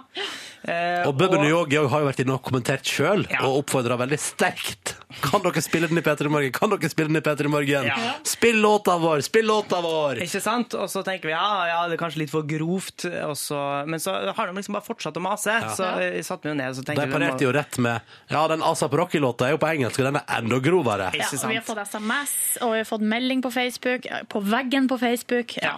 Vi kan bare høre et lite for, for dem som lurer, da, hvordan den sangen her kan høres ut. Så eh, Den begynner sånn her. Har du huska på å vaske ditt? Det er for mye. Kjenner du nå? Det er altfor mye! Ja, eh, og det her begynner med, med sånn roping, og det går jo da naturlig over i et refreng, som jeg syns er ganske fint, egentlig, med, med blåsere i bakgrunnen. Okay. Har du huska på å vaske kukodet ditt? Har du huska på å vaske kukodet ditt? Ja. Og det er litt sånn ska-aktig, da. Eh, med, og så går det over i en Det skal versjonen av Lonely Island, skråstrek Sirkus Eliassen, skråstrek eh, Ja. Hva heter det siste humorbandet der? Bubben og Yogi, kan vi kalle dem. Ja. Ja. Luksusleverpostei. Det er litt grovere enn en luksusleverpostei, på seg, og litt mer fengende, vil jeg si. Og det her eh, tenkte, det er jo ikke Det er jo rapp i tillegg, da. Det er jo ikke bare at de står og skriker, så vi kan bare høre altså, neste, neste del av, av sangen. Cool keys, bitches, please. Dere ender opp down on your knees. Har du bil, bare gi meg the keys. Nett på knærne sliter fotografen. Det gikk for fort, jeg skjønte ingenting. Ja, det går litt fort, og det handler om eh, altså, ned på knærne. Skjønner vi alle sammen. Og Ja. da er det snakk om altså, den her penisen da, som, eh, som man skal gjøre noe med. Og så eh, I tillegg, når det er snakk om kukvask, så er det altså eh, det er snakk om at penisen er for skitten. Da, rett og slett. Ja. Og når vi hører videre, så hold- jeg holdt på å brekke meg. Eh, og derfor så tenkte jeg kan, vi kan godt spille av et lite, et lite utsnitt, men jeg skal prøve å leke sensurleiken, der jeg skal sensurere altså det som blir litt for grovt, eh, og se om det, om det gjør seg. Nei! for bryte den i halsen til det brekker deg. Svimer du av, gidder ikke å vekke deg. Vil du holde meg i hendene? Fuck you, bitch, jeg gjør det ost på tennene. Jeg sier han lukter mindre om hesten din, men jeg vasker kuken min i kjeften din. Kukodet Ja, ikke sant? Så det, er, og det handler om å vaske penis med en piassava-kost, som- og det er mye forskjellig, og at det ligner på fetaost og alt det greia der. Stopp, stopp, Og at man da Folk skal bes- frokost! besvime av både lyd og, og Nei, altså lukt og smak. Eh, så det, det blir litt for visuelt, rett og slett. Ja. Men eh, Eh, så, vi. kommer vel ikke til å spille hele denne låta? Nei, det kan jo selvfølgelig hende hvis det er en fredag vi er i ekstra god lune. Eh, men, men ikke foreløpig. Nei. Jeg har fått en liten smakebit her, da. Men gå inn altså på YouTube og søk på Bubben og Yogi med sangen Kukvas. Jeg eh, foreslo for Bubben og Yogi på Facebook-sida vår at eh, vet du hva, ønsk den her i P3 Fredag, for eksempel. For da står jo det norske folk på badet og er klare for forspill, og skal sannsynligvis da, ja, vaske seg nedentil. Eller hvis Mixtape skal ha kjønnsorganspesial, for eksempel. Eller hygienespesial. Mm. Ah, nydelig låt, Kara. Han Bubben og han Yogi. Det er for mye. Det er for mye på morgenen. Vi spiller noe Peace i stedet for dette er bare koselig. Rafe heter låta, og du får den sju minutter på eh, ni på NRK P3 rett før en langhelg. Der Bubben og Yogi sannsynligvis ljomer fra mange anlegg. Dette er dette er P3. Peace og Wraith på NRK P3, fem minutter på ni. Vi eh, fortsetter ned musikk-YouTube-sporet her i P3 Morgen. Ja, fordi nå har det jo denne store saken fra USA, der eh, Charles Ramsey har altså blitt den store helten. Det er han eh, mannen Big Mac-fyren, Det er han, naboen. han som sprang til Skrekkens hus med en Big Mac i handa og redda ut eh, hun her første jenta, Amanda Berry, og så eh, fikk ringt politiet. Tror tror dere ikke da, det er jo eh, bare så vidt og litt over et døgn, så har det kommet en autotune-versjon Selvfølgelig. Autotune lever videre på YouTube. Så Skal vi høre autotune-versjonen av intervjuet med eh, Charles Ramsey? Walk me through again what happened this afternoon. I knew something was wrong when a little pretty white girl ran to a black man's arms. Dad away. Dad give away. My neighbor got big testicles cause we see this dude every day. We eat ribs with this dude. But we didn't have a clue that that girl was in that house. She said, please help me get out. Yes! Det rimer jo nesten. Fengende. Ja, veldig fengende. Eh, vi legger den ut på det er altså oh, Det er liksom YouTube uh, autotune-kjør et døgn etter at en stor kidnappingssak har blitt, eh, og oppbevaring i ti år har blitt avslørt. Ja, men sånn har det jo eh, samfunnet vårt blitt. Det er internettet. Ja. Mm. Men eh, vi skal ikke gjøre oss til dommer over Å, det. nei. Vi har lagt ut videoen nå på Facebook-sida vår, så går jo an å kjøre debatt. Er det too soon eller ikke? Ja, Det kan vi kjøre debatt på i kommentarfeltet. Ja. Ja. Too soon or not? Tre på ni. Her er Disclosure. Du hører på Podkast. Bonusspor. Jeg har en stor nyhet, en stor kunngjøring å Oi. komme med. Ja vel. I går så kjøpte jeg meg sykkel! Oi, Silje. Så flink du er. Ja! Eh, eller ja, jeg har kjøpt uh, den gamle Eller jeg har kjøpt den sykkelen som min gode venninne. Monica har kjøpt brukt. Men det er en fantastisk eh, fin, litt sånn uh, bysykkelstil, med, altså damesykkel i klassisk form, Rustikk. med kurv. Med kurv, ja. mm -hmm. Så i går, rett etter sending, så eh, Nei, ikke rett etter sending. Faktisk ganske seint i går, fordi Ja. vi drev og styra med så mye greier. Um, så dro jeg direkte ned til sentrum og møtte Monica. Og så var jeg tur, eh, en tur innom et, eh, et trykkeri, men det skal han jo fortelle om seinere. En gang. Du, eh, Silje. Ja? Hva tok de venninne Monica for sykkelen som hun har kjøpt brukt? Du, eh, vi har egentlig ikke diskutert det. Jeg tror, hvis ikke jeg har misforstått fullstendig, at hun har betalt 400 for den. Ja. Så skal vi Så se. da skal vel du ned på to, da, eller? Nei. Å nei. Jeg har jo nettopp kjøpt den, så Å, ja. det er det jo ingen Men grunn hvorfor til. kjøpte du den? Hvorfor solgte hun den rett videre til deg, da? Fordi at uh, den var for stor. Hun er ganske lita. Hun er lita jente, ja. Ja. ja. Veldig lita. Så Ja. det var jo helt perfekt for meg Mm. eh, at jeg kunne bare overta Ja. eh, den eh, sykkelen. Jeg er så fornøyd. Vi var nede i sentrum også innom en butikk, og da kjøpte jeg meg et rosa sånn setecover, holdt på å si. Du er sånn trekk. Ja, for at du vil ikke sitte på det setet hun har sittet på? Nei, fordi hun sa at det var et lite hull i setet, sånn at når det regner, Ah. så blir eh, setet soggy. Kjedelig. Og så setter man seg, så blir man våt på buksa. Ja, det vil man ikke. Så kjøpte jeg rosa ringeklokke, pling pling, og rosa lås. Er det jente, du, Ja, da? jeg er det. Ja. Og så er foreslo ingen tvil om at du ikke er traktorlesbe, hva? Så foreslo Jeg er Monica fikkelbjellelesbe. Monica foreslo at um, at eh, jeg skulle gå på en butikk, Lindex, tror jeg, og der har de blomsterkrans egentlig for å ha i håret. Så kan jeg legge den på kant midten på kurven. Så det blir en ordentlig jentesykkel. Ja, nettopp. Ja. Det var lurt. Og det var jeg veldig enig i, så det skal jeg prøve å få gjort. Ja. Eh, Skal jeg kjøpe kjettinger og sånne ting jeg henger på minnet si for en Sånn ordentlig guttesykkel? Tøff guttesykkel. Ja. Ja, det trenger du. Dere, kan jeg, apropos nå når vi er inne på uh, denne praten. I går, Du så Paradise i går, Ronny. Ja! Fordi det er jo skeiv uke på Paradise nå. Jeg så, går Så Paradise. er- jeg så jo ingenting forrige uke, men i går så catcha jeg altså opp og så Ja. mandagens og tirsdagens episode. Altså de som gikk i går og i forgårs. Vi som ikke er så interessert, vi kan nå ta opp mobiltelefonene våre og holde på å fikle med den. Nei, men bli nå med på Jeg tror kanskje at dette her blir interessant, skjønner du. Vi For har vært med på praten! Dere snakka om det i stad! Nei! Nå skal, jeg- vi skal, vi, vi, jeg vil ta opp et tema, Yngve. Nå Ah, synes jeg det, av respekt for meg, så må du følge med okay. og bidra i samtalen. OK? Ja, Hvis ikke kan du bare gå. Ja. Um, fordi I går hadde de såkalt skeiv fest. og da, for det først, først så bytta de om, og det her er spoiler, de bytta om på alle parene. Sånn at guttene, nå er det parene er det gutt og gutt og jente og jente. Så det var litt gøy. Um, så alle er liksom likekjønna like par. Nå kommer jeg på, jeg ville jo prate om han Eirik i dag. Åh! Ja. Faen. Det er noe med uh, Beklager, men jeg hadde så lyst til å prate om det, fordi jeg satt og ble Jeg, hadde, jeg hadde hatt så mye jeg ble provosert over siste døgnet, som du har hørt i sending i dag òg. men han Eirik eh, Jeg har lyst til å Jeg hadde egentlig det, men jeg rakk jo ikke det i dag tidlig før sending, men jeg hadde lyst til å gå gjennom gårsdagens episode og mandagens episode. Ja. Og hvem er det? klippe- det Er han- eh, negeren? Å nei, det er kanskje ikke lov til å si det, vår Nei, men, nei, men uh, for å si det, han sa bygdegutt så mange ganger i de to sendingene som har Ja. gått nå. Kviga. Nei, nei, mest bygdegutt. Og da tenker jeg sånn Han bruker bygdegutt. Og det tror jeg han gjør i livet sitt ellers òg. Han sier bygdegutt hele tida. Én, for, en å få li- for å få ligge med jente. To, som en unnskyldning for alt. Ja. Alt i hele verden. Hvis det er noe han er ukomfortabel med eller ikke har lyst til, så drar han bygd. Og vet du hva? Det Hva er så slags bygd fordoms... er Eirik fra? Eh, Valdres. Valdres. Valdres. Valdres, som man sier. Skulle dra på fishing til Valdres. Men eh, det, jeg, jeg blir så provosert over at han, han gjør så skam på det å komme fra bygd, og han oppfyller alle fordommer. Og bruker altså Nei, jeg blir litt sånn øh. Han er veldig eh, Han er ganske trangsynt eh, og har tydeligvis ikke opplevd så mye i livet sitt fordi at han er en bygdegutt.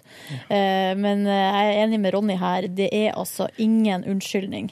Og nå er jeg her inne på, eh, på Wikipedia. Distriktet Valdres har 17 983 innbyggere. Med andre ord ikke så jævla bygdete. dette? Nei. 1. juli 2009.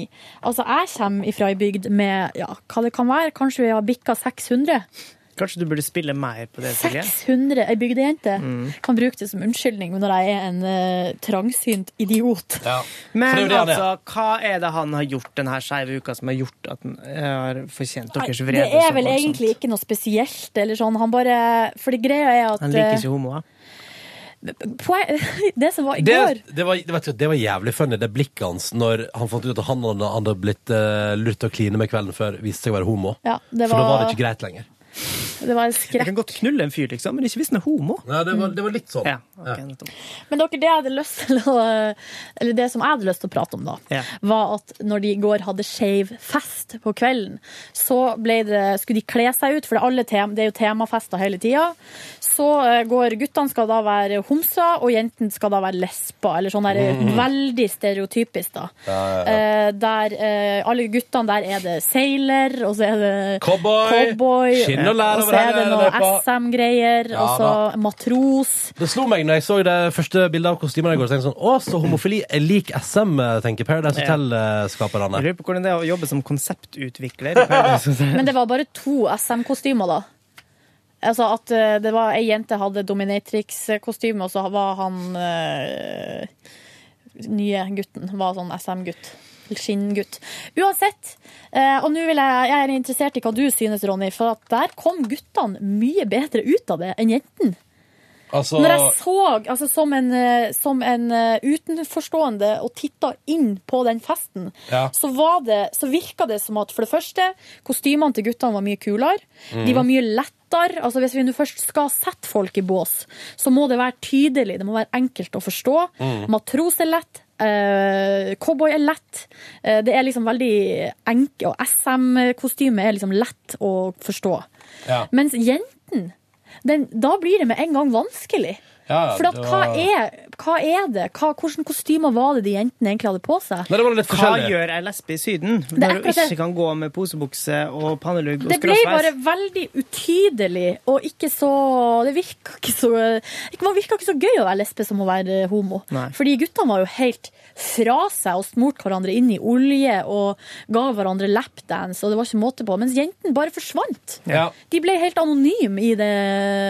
Og sånn Jeg føler at det er på en måte et bilde på hvordan det er Ja. i verden. Lesbene i Syden har kanskje tribal-tatovering på en litt hvit legg, og så er de litt tjukke, og så sitter de i skyggen og ikke liker seg så Med tommelring. Ja. Men eh, opplevde du, følte du, eh, føler du sånn i verden ellers at, eh, at eh, homo er gøy, mens lesbisk er anonymt? Ja, og lesbisk er litt sånn Det er litt sånn litt kjedelig, litt uh, Bare litt sånn blæ. Nei, men det er Sigrid apropos lesbisk. Apropos lesbisk, så nei. Men det er litt Men- mer utydelig. Og da lurer jeg på om er det sånn at liksom, kvinnelig seksualitet Det er litt mer utydelig enn guttene? Oi, dette er en ganske stor diskusjon. Ja, men det er Men en er stor ikke det slik, da, når man tenker på liksom, stereotypen, som åpenbart Paradise Hotel alltid gjør, det jeg snakket om, å være konseptutvikler i Paradise Hotel må være det letteste, for det går bare for første innfallet. Ja, de tar det det langt veldig ha- langt ok, hva skal vi ha, litt sånn rar fest? Ja, homofest. Ja, selvfølgelig homofest. Ja. Finn vi. fram SM-drakten her, nå kjører du på! Ja, men du, jeg må bare si før du fortsetter. Forrige uke så var det jo Da var det jo pedo- og incestuke. For jeg vet da søren, det var barnebursdag og barne-slumberparty, og det var sånne der, eh, kosebamser og puter og pyjamaser. Og det de tenkte pysjamaser da var, og hvordan skal vi få incestveke til å høres hyggelig ut på TV? Ja, ja, vi men- kaller det barneveke! Ja! Det er jo et eller annet rart med at i det seksualiserte eh, den seksualiserte stemninga der inne, så skal de ha barnebursdag. Fy faen, de ligger og kliner Og med driver hverandre, og altså. jokker på hverandre i sånn her eh, og- Med det museflette og Rett tilbake til sånn sov... Altså hvilestund på barnehagen. Mm. Vi kan ha være et utspill for det de tenkte på da. Men det er ikke visst hva seksualitet var. Men jeg er enig med deg, det var mye sånn eh, Mye grått og trist på jentene der. Ja, det var litt kjedelig, hun hun Isabel kom godt ut av det. Hun kom veldig godt ut av det. Men det, Du fordi det liker var, Isabel litt, du, Hun- vet du, vet du hva? Jeg, hun er en av mine favoritter på Paradise. Altså. Hun men fordi at det var tydelig. Ei jente- ei dominatrix-jente med pisk. Tydelig. Mm. Men så blir det mer sånn OK, traktorlesbe. OK, hva er det? Mm. Hvordan det var ser hun ut? rute, ruteskjorte der. Ja, og... men uh, det var bare Det ble veldig eh, Det ble lite Det ble ikke så artig. Men- fordi båsene er ikke like tydelige. Er det ikke da slik nå at homo, homofile menn må liksom uh, For å kunne understreke sin seksualitet, overdrive han litt, og derfor så blir enda mer spjåkete, mens eh, lesbiske prøver heller å underdrive sin seksualitet, og derfor så blir de litt mer sånn inneslutta og stille. Er det derfor? Jeg vet ikke. Jeg vet ikke, men eh, det er jo en veldig sånn eh, Det er liksom vanskelig å dra sånn, sånn stor eh, Hva skal jeg si At man skal bli sånn sosialantropologer. Det er jo litt det vi blir da når vi ser på Paradise. Mm. At man skal drive og analysere samfunnet på bakgrunn av det som skjer der inne. Men det jeg kan si, er Det som er eh, For I går så satt jeg og tenkte litt for meg sjøl sånn Er det her artig, eller er det litt sånn uh, uh, Den båssettinga og sånn. Men konklusjonen min ble nu, De driver på med så mye annen båssetting der inne. Og de konseptene og som du snakker om, de har uke, de har sånn ja, temauker. Sånn at uh, i 2013 så må vi tåle ei, ei homouke og bare tenke at det kan være bare artig. Men det, som, eh, det jeg merka der inne, er at den personen som kanskje er mest litt sånn ukomfortabel, bortsett fra bygdegutten, da, er jo Louise. Mm. Som er den med den mest tricky seksualiteten. Ja, ja. Fordi det blir eh, Vi er så det er homser og lesber, det er bare good times all the way, fordi at man på en måte forstår det litt. Men Men transkjønnethet, Ja. det forstår vi ikke. Men hva mener du med at hun er mest ukomfortabel? Nei, det bare virker som at hun faller litt mellom. Ja. Og det var det som skjedde i går med Erik, for han klina med alle guttene og syntes at det var helt greit. Ja. Men når han i en sånn nødt eller sannhetssituasjon blir bedt om å kline med Louise, Ja. som er en gutt, men Ja, i en jenteidentitet, Ja. det ville ikke Erik. Nei. For det ble for rart for han. Og så sa han nei, det blir for rart for en bygdegutt, og så ble de andre sur, og så ja. Så det var liksom der den, det, det tilspissa seg, den situasjonen. Men, Mer, merker jo litt at uh, altså, og det er òg et bilde på hvordan det er i samfunnet. at det blir for rart for folk. Det er ganske nytt for Louisa, da, hvis det er to år siden. Ja, eh, selvfølgelig. Ja. Og så må jeg jo si at jeg syns jo det er litt fint at hun hele tida kanskje og er litt sånn Ja, Eirik skal ha for at han prøvde der, eller han skal Ja. ha for ditt og datt. Og det er jo sikkert fordi Men det var jo hun som til slutt sa sånn, for alle de andre hissa seg jo opp. Og så sier Louise sånn Du, ja, eh, først så sier hun jo hva er problemet ditt? Og må tvinge han jo til å si hva som er problemet. Mm. Uh, men, og til slutt så sier jo Louise sånn Ja, men herregud, skal ikke tvinge deg til å gjøre noe du ikke vil. Det må jo være eh, på en måte grunnholdninga. Jeg vet ikke hvem Louise er. Og så er det søte, uskyldige Isabella som til slutt stopper Ja, som krangelen. sier, ja, som sier sånn 'hallo, dere, nå må vi ta og stoppe en hall her'. Mm. Ja. Ah. Uansett, eh, jeg syns jo det er litt interessant, og jeg liker at de presser litt grenser. Ja, for det gjør de. det. Ja. Det liker Ja, jeg godt. det er jeg helt enig i, jeg også. En helt annen ting. Ja. Nå har altså Mette-Marit og Håkon vært på Kvelertak-konsert i USA. Hei! Og det står kongen i Amazonas, og hva Ja. skal vi gjøre? Nei, men også, jeg, kan jeg bare si Dette ser, altså, det ser helt konge ut, og de sier også selv at det var helt kongekonsert. ser helt Men det er veldig, det er veldig si. gøy at de står liksom midt i sånn rockefolkemengde og ser Kvelertak spille altså fretta av Amerika. Hva har, Men hva har Mette-Marit på seg? Nei, hun er ganske nøytralt kledd i hvitt her, som du ser. Danse. Mette-Marit på samme måte som hun gjorde på Will I Am-konserten. Tenk hvor kult det var- hadde vært hvis de hadde en musikkvideo med Mette-Marit og eh, kronprinsen. Og kronprinsen vært klapper takta, sånn som han gjorde på, på den der eh, The Earth Is Trembling-videoen. Hvis du husker. Eh, Jeg husker ikke akkurat det, men den videoen. Fy. Eh, Men jeg liker at Band kronprinsparet vårt driver og eh, har god musikksmak i utlandet der. Fortsett Men de med har det. jo fått så mye kritikk for noe annet de har gjort i utlandet. For de har vært på en sånn eh, fabrikk som, eh, produser, som er den fabrikken som skal gi oss noe jagerfly som Norge har bestilt. Ja, vært masse ja, ja. jagerfly. Ja.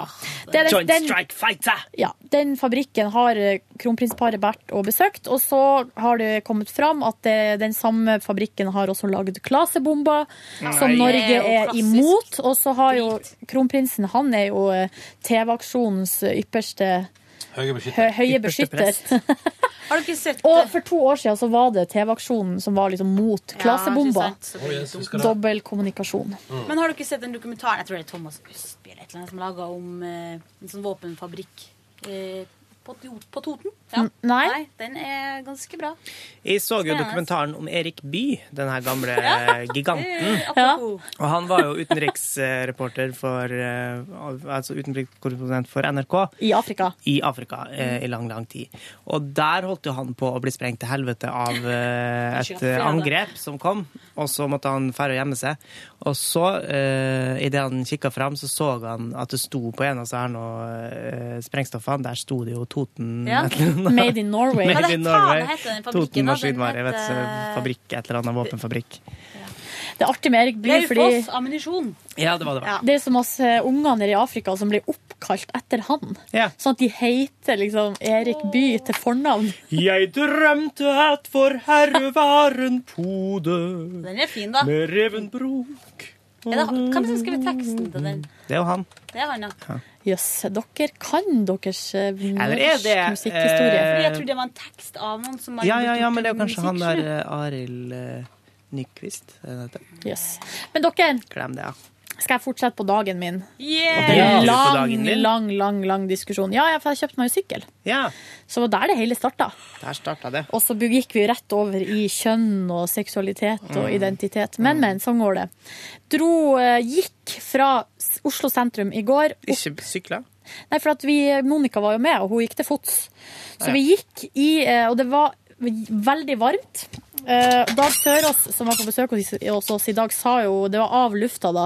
At i går så gikk det jo ca. ett sekund før han begynte å klage over varmen. Ja. For det er jo litt sånn. Jeg gjorde det på humorgrunnlag, da. Ja. Sa at nå er det for varmt. Jeg sa nå var det for varmt, og så tok jeg meg i det etterpå. Og så sa jeg men eh, det er ikke lov å si. Nei. For vi gikk, det er en lang, lang slak oppoverbakke og gikk i sola der, og jeg trilla en sykkel, og jeg, da var jeg så svett og så sliten at Tung sykkel? hjelp.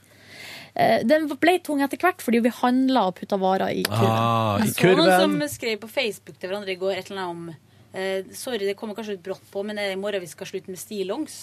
Det finnes noen som er der ennå. så- Ok. Ja, det tror jeg på. Dere er ei jente som er ganske frossen av seg, har jeg skjønt.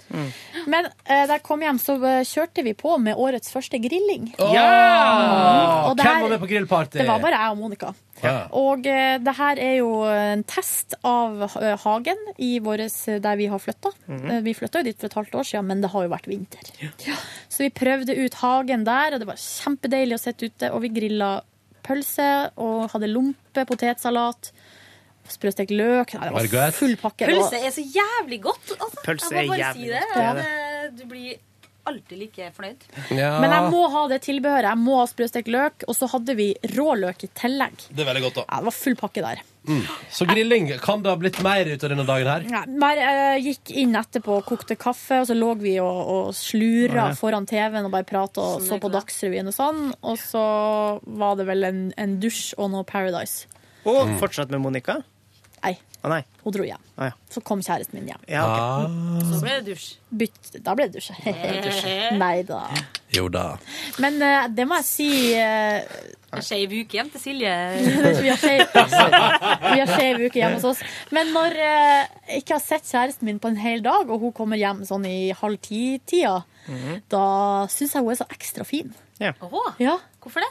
Fordi jeg savna Savna henne så fælt. ja. Mm. Ja. Åh. det Så ble jeg glad. Klina litt. Det var godt.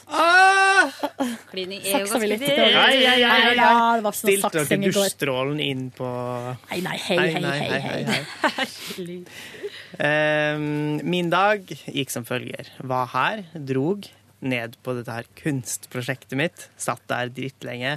Og faen så sliten. Begynner du å bli lei av det der nå? Altså, det tar veldig langt. Det tar mye, lenge, det tar mye mer tid, og det tar mye mer eh, av kreftene mine enn jeg hadde sett for meg. Ja. Vi har tatt litt vann over hodet, tror jeg nok. Eh, Sliter litt med å huske alt vi skal gjøre. Og så eh, må vi ut av og til for å lufte oss. Og da tok jeg et legendarisk fotografi av meg sjøl, eh, der jeg hadde på meg eh, det var, Jeg kan avsløre såpass at det var et slags kostyme. En del av et. At jeg hadde sokker nedi sandalene. Ja. det- Jeg, jeg tenkte på det, så det, så tenkte jeg det går helt fint. Det går helt fint for meg, men jeg bare vet at for, det er en ting som hisser opp folk, så er Ja, det så sokker i er det det, men Ja. hvorfor ni... For det er Nei, vet du hva? Det er ikke styggere enn for eksempel å eh, å ha på seg genser Eller genser, genser under T-skjorta, for eksempel. Jo, det er styggere. Ok. Jeg har aldri reagert på det, Jeg men syns folk skal eh, få gå med det de har lyst til, ja, uansett det hvor er stygt eneste det er. at det er liksom ikke poeng i det. For da kan du heller bare gå uten, eller ha på deg et par sko. Kanskje du har veldig stygge bein? Føtter? Mm, det Nei. har jeg jo. Ja. Men, men. Eh, nok eh, om det antrekket. Og så for jeg hjemover utpå på kveldinga, og da ankom jeg akkurat samtidig som at dama ankom. Eller hun ringte meg idet jeg var på vei bort gata, så sa jeg hei, jeg, jeg er her nå. Å, hvor er du da? Ser du meg? Sa hun. Sa jeg, nei, jeg ser jo ikke deg. Og da satt jo hun i en bil like ved. Og spana, da. Spiste donut og Yes, og så hadde hun egentlig tenkt til å komme og hente meg eh, på teaterøving, men så hadde jo ikke jeg tatt telefonen. Ah, sånn går det ikke har telefon. Ble hun vet du. sint da? Jeg? Ble hun sint? Nei, jeg ble, jeg ble jævlig ble sint, sint, for ja, hun kommer ok, faen ikke og hentet Nei da. Eh, nei, det var ingen av oss som var sinte, heldigvis. Så da ble det sexy time. Stilte inn dusjstrålen. Uh, ja, det gjorde Du bare putta henne i dusjen, Det vi stilte inn dusjstrålen NRK. og gikk. Fikk dusjen gjøre jobben? Nei, vi bruker alltid å gå inn på nrk.no. Skråstrek helse, og så, går vi, og så finner vi den der stillingsguiden. stillingsguiden. Jeg sier det til deg. Hvis jeg hadde vært et 10-11 år i dag og ikke torde å søke på porno, så hadde jeg gått rett inn på stillingsguiden på på nrk.no. Dette har jeg ikke fått med meg. Du, det Det er jo har ikke du liksom fått med deg, Ronny! det er ganske grovt Ja, til å ligge på nrk.no. Det jeg ble skuffa over da jeg så det, er at det er ikke NRK.no som har laga det. Det er Nå ringer mutter'n. Kan ikke ta han. Eh, Det Hvorfor er er sikkert noe de har kjøpt inn. Gå inn på NRK.no, skråstrek helse. Ja, jeg er der. Og så bruk det å ligge på sida der et sted. Ikke nå lenger. Du må Ja, lete. Finn sexstillingen som passer for Og deg. der er helse utpå. Bedre sex. Det er ekte folk. Og så der kan du velge da, om du vil ha dags, hva slags dagsform du er i, hvis du går oppå her. Trykk på dagsform. Hun har mest lyst, han har mest lyst. Begge har lyst. Eller hun har mye energi, han sånn. har mye energi. Begge har mye energi. Begge er slitne og trette. Og trette. Og har dårlig tid. Krysser på det, og går det an? Nei, det går bare an å ta én. av kryss! Og så. Der. Nei! Hva, fikk du opp? Eh, dame på Det rygg. det er bilder av ekte folk. Ja. Det er bilde av ekte folk, jo. To personer som ligger flatt i en dusj. Få se, jeg må se bilder. Lav hund! Lav. Se der, ja! Her har vi en lav hund, ja. Dette er best i Det ser litt slitsomt ut å ligge sånn for hun jenta. Hvis de har Det jo dårlig tid. Stående bakfra. Ja, stå sånn, ja. Begge her. På kanten! Eh, her vil dere være med og ta illustrasjonsbilder til en uh, stillingsgreie. Ja, det Tenk er der ikke er- slitsomt! Herregud! Det der er skuespillere som ikke har eh, Som ikke har verket. gått statens. Det så Altså, dritslitsomt ut, de der stillingene der, da. ja, altså, det er en jobb. Altså, jeg bruker kroppen min. eh, men jeg tror det der er s- sannsynligvis Bro, ja. laga i Storbritannia. Jeg tror, jeg tror også det er brit, bri- briter. Men det er jo i, er det ikke i, i, eh, i eh, Love Actually at det ene paret Jo, jo. er to sånne eh, body stand-ins som står og jokker på hverandre naken. Hva med dette, da? Kontordrømmen. Der han sitter på stol, og hun sitter over han, ikke sant? Farlig. Men Ja. riktig vei eller andre veien? Sitte Nei, på fanget, liksom? mot- eller sitte og nei, over? Mot hverandre. Mot hverandre. Å ja, det er kontordrømmen, altså. Face to face. Vel Men her kan du også Å ja! Det her skulle vi aldri, vi skulle aldri ha Ja, visst, Ronny. heldigvis ikke noe som lager lyd. Eh, Det er bare noe Ronny kan sitte og se på. Hva med ridder? Hvorfor ridder? Ja, for at han står på kne? Han står på kne, og hun sitter på stol. Ja, nettopp. Altså, han, han kneler sikkert også, ikke sant? Hun sitter er- liksom i trona, da. Ja. Game of Thrones Nei da, vi skal ikke begynne på det. Ja, um, og så, når vi hadde gått gjennom alt i stillingsguiden, så eh, så gikk jeg og pakka findressen min, men jeg fant det forferdelig irriterende. Nei, det var bare, det var bare Jeg lurer på hva de to stillingene som ikke er under begge har lyst. Altså, Skjønner du hva jeg mener? Går det an å velge? Det lurer jeg på. Her har vi sagt hvis- Den andre er hvis- voldtekt. Her har vi Ja, det er jo det. det, det, er det. Da er det altså bortvendt rytter er hvis begge, ikke begge har lyst, og Å, herregud, jeg må lære meg navnet på det. og hvis, også, Det også holde hund, fast, hvis da. begge to ikke har lyst. At, på en måte, så der, her, dette er hvis begge to ikke har lyst. Står det bortvendt rytter, eller var det noe du Nei, det- nei, nei, her- Nei, Ronny sitter og finner på navn. Faen, jeg elsker at det her har sånne fine navn! Oh my god, it's gonna change my life! Hva heter det på engelsk? drev og kryp fram og tilbake her nå for å kommer til komme å, til. det kommer til å forandre livet mitt. Ja, Når Ja, jeg først begynner å ha Bare ha litt sex, da. bare hyggelig. Eh, jo, så pakka jeg dressen min. Hvorfor? Er det noen som burde stilt spørsmål? Hvorfor? Ja. Eh, fordi at de skal hjem til Molde i dåp, til eh, det siste, her, slektens siste tilskudd. Irriterende oppdagelse å oppdage at dressen som jeg kjøpte for ikke så altfor lenge siden, er litt for liten. Men heldigvis er den litt for liten rundt armene og skuldrene. Det betyr bare at jeg har lagt med pounds og pounds of raw muscle steel. Da kan jeg forresten svare på at det er NRK. Det er Puls som har laga denne guiden. Og den er oversatt til engelsk fordi de fikk ekstrem positiv respons på sin Jeg skal seriøst gå og hvem- pugge hva sånne stillinger heter, og så skal jeg bli en sånn person som til hvert Ja, ja. Du får ringe Sting, da. Eh, jo, eh, men så pakka jeg alt det ned i en bag, satt den klar, og så gikk jeg og la meg. Og sovna uten å gjøre så mye mer enn å Jeg satt ikke og fikla med telefonen eller leste eller noe som helst. Sovn, er det Litt sånn som digg. søvn er igjen åpen? Nei. Det Jeg tror ikke for meg du var så søt til vanlig, så kunne jeg se for meg at du var litt skummel når du sov. Jeg sover med briller, da. Det har jeg gjort mange ganger, faktisk. Eh, og så våkna jeg i dag og kom på jobb, sånn som vi bruker. Kjempebra. Vet dere hva jeg gjorde på i går, da? Nei. Men vil du gjerne vite det. liten eh, muffins eller donut? Gjorde Nå skal, du det, høre, nå skal du høre, Sigrid. Vi traska jo sammen hjem fra jobb. Spaserte nedover Kirkevegen ved Majorstuens kryss. Ja, Klaga over Eh, hvor mye folk det var der. Det var slitsomt. Ja, ja. Men så var den lokale kafeen som jeg nettopp oppdaga, som jeg har bodd ved sida av i tre år, åpen. Så jeg traska der og kjøpte meg en panini med bacon, ost og tomat, som de varma for meg. Og så tok jeg med eh, det som de hadde på bakverkfronten i går. For de har, det baker tydeligvis hver dag, da. Og i går hadde de kyllingsboller med Men er det altså baka Er det box fresh eh, food? Skal jeg si? Det er, Vet hva det vi må gjøre en gang? Vi må, hvis, altså, Vi må sende derfra. nest- Nei, men kanskje neste helg når det er fint vær, så kan jeg du møtes på lørdags formiddag. Ja, og spise frokost ja, der! Altså, det har vært koselig. Ja. Det gjør vi. Så kan Ingo si de kom hvis de har tid, da. Ja, ja, ja. Det har vært koselig for oss. Mm. Og der, så, der spist, så det tok jeg med meg hjem, og der spiste jeg det på verandaen min i solsteika, mens den dagens første maskin med klesvask sto på i kjelleren. Flink. Den hengte deretter ut på verandaen til tørking, og fikk en slags lykkefølelse av å kunne ta årets første klestørk utendørs. Ja, det Eh, det ble jeg glad av. Um, og så så jeg to episoder av Paradise Hotel. Spiste noen raspeballer på kvelden der. Å, fra Fjordland. herregud, på Dine egne? Mhm. Nei, det var fra Fjordland, ja.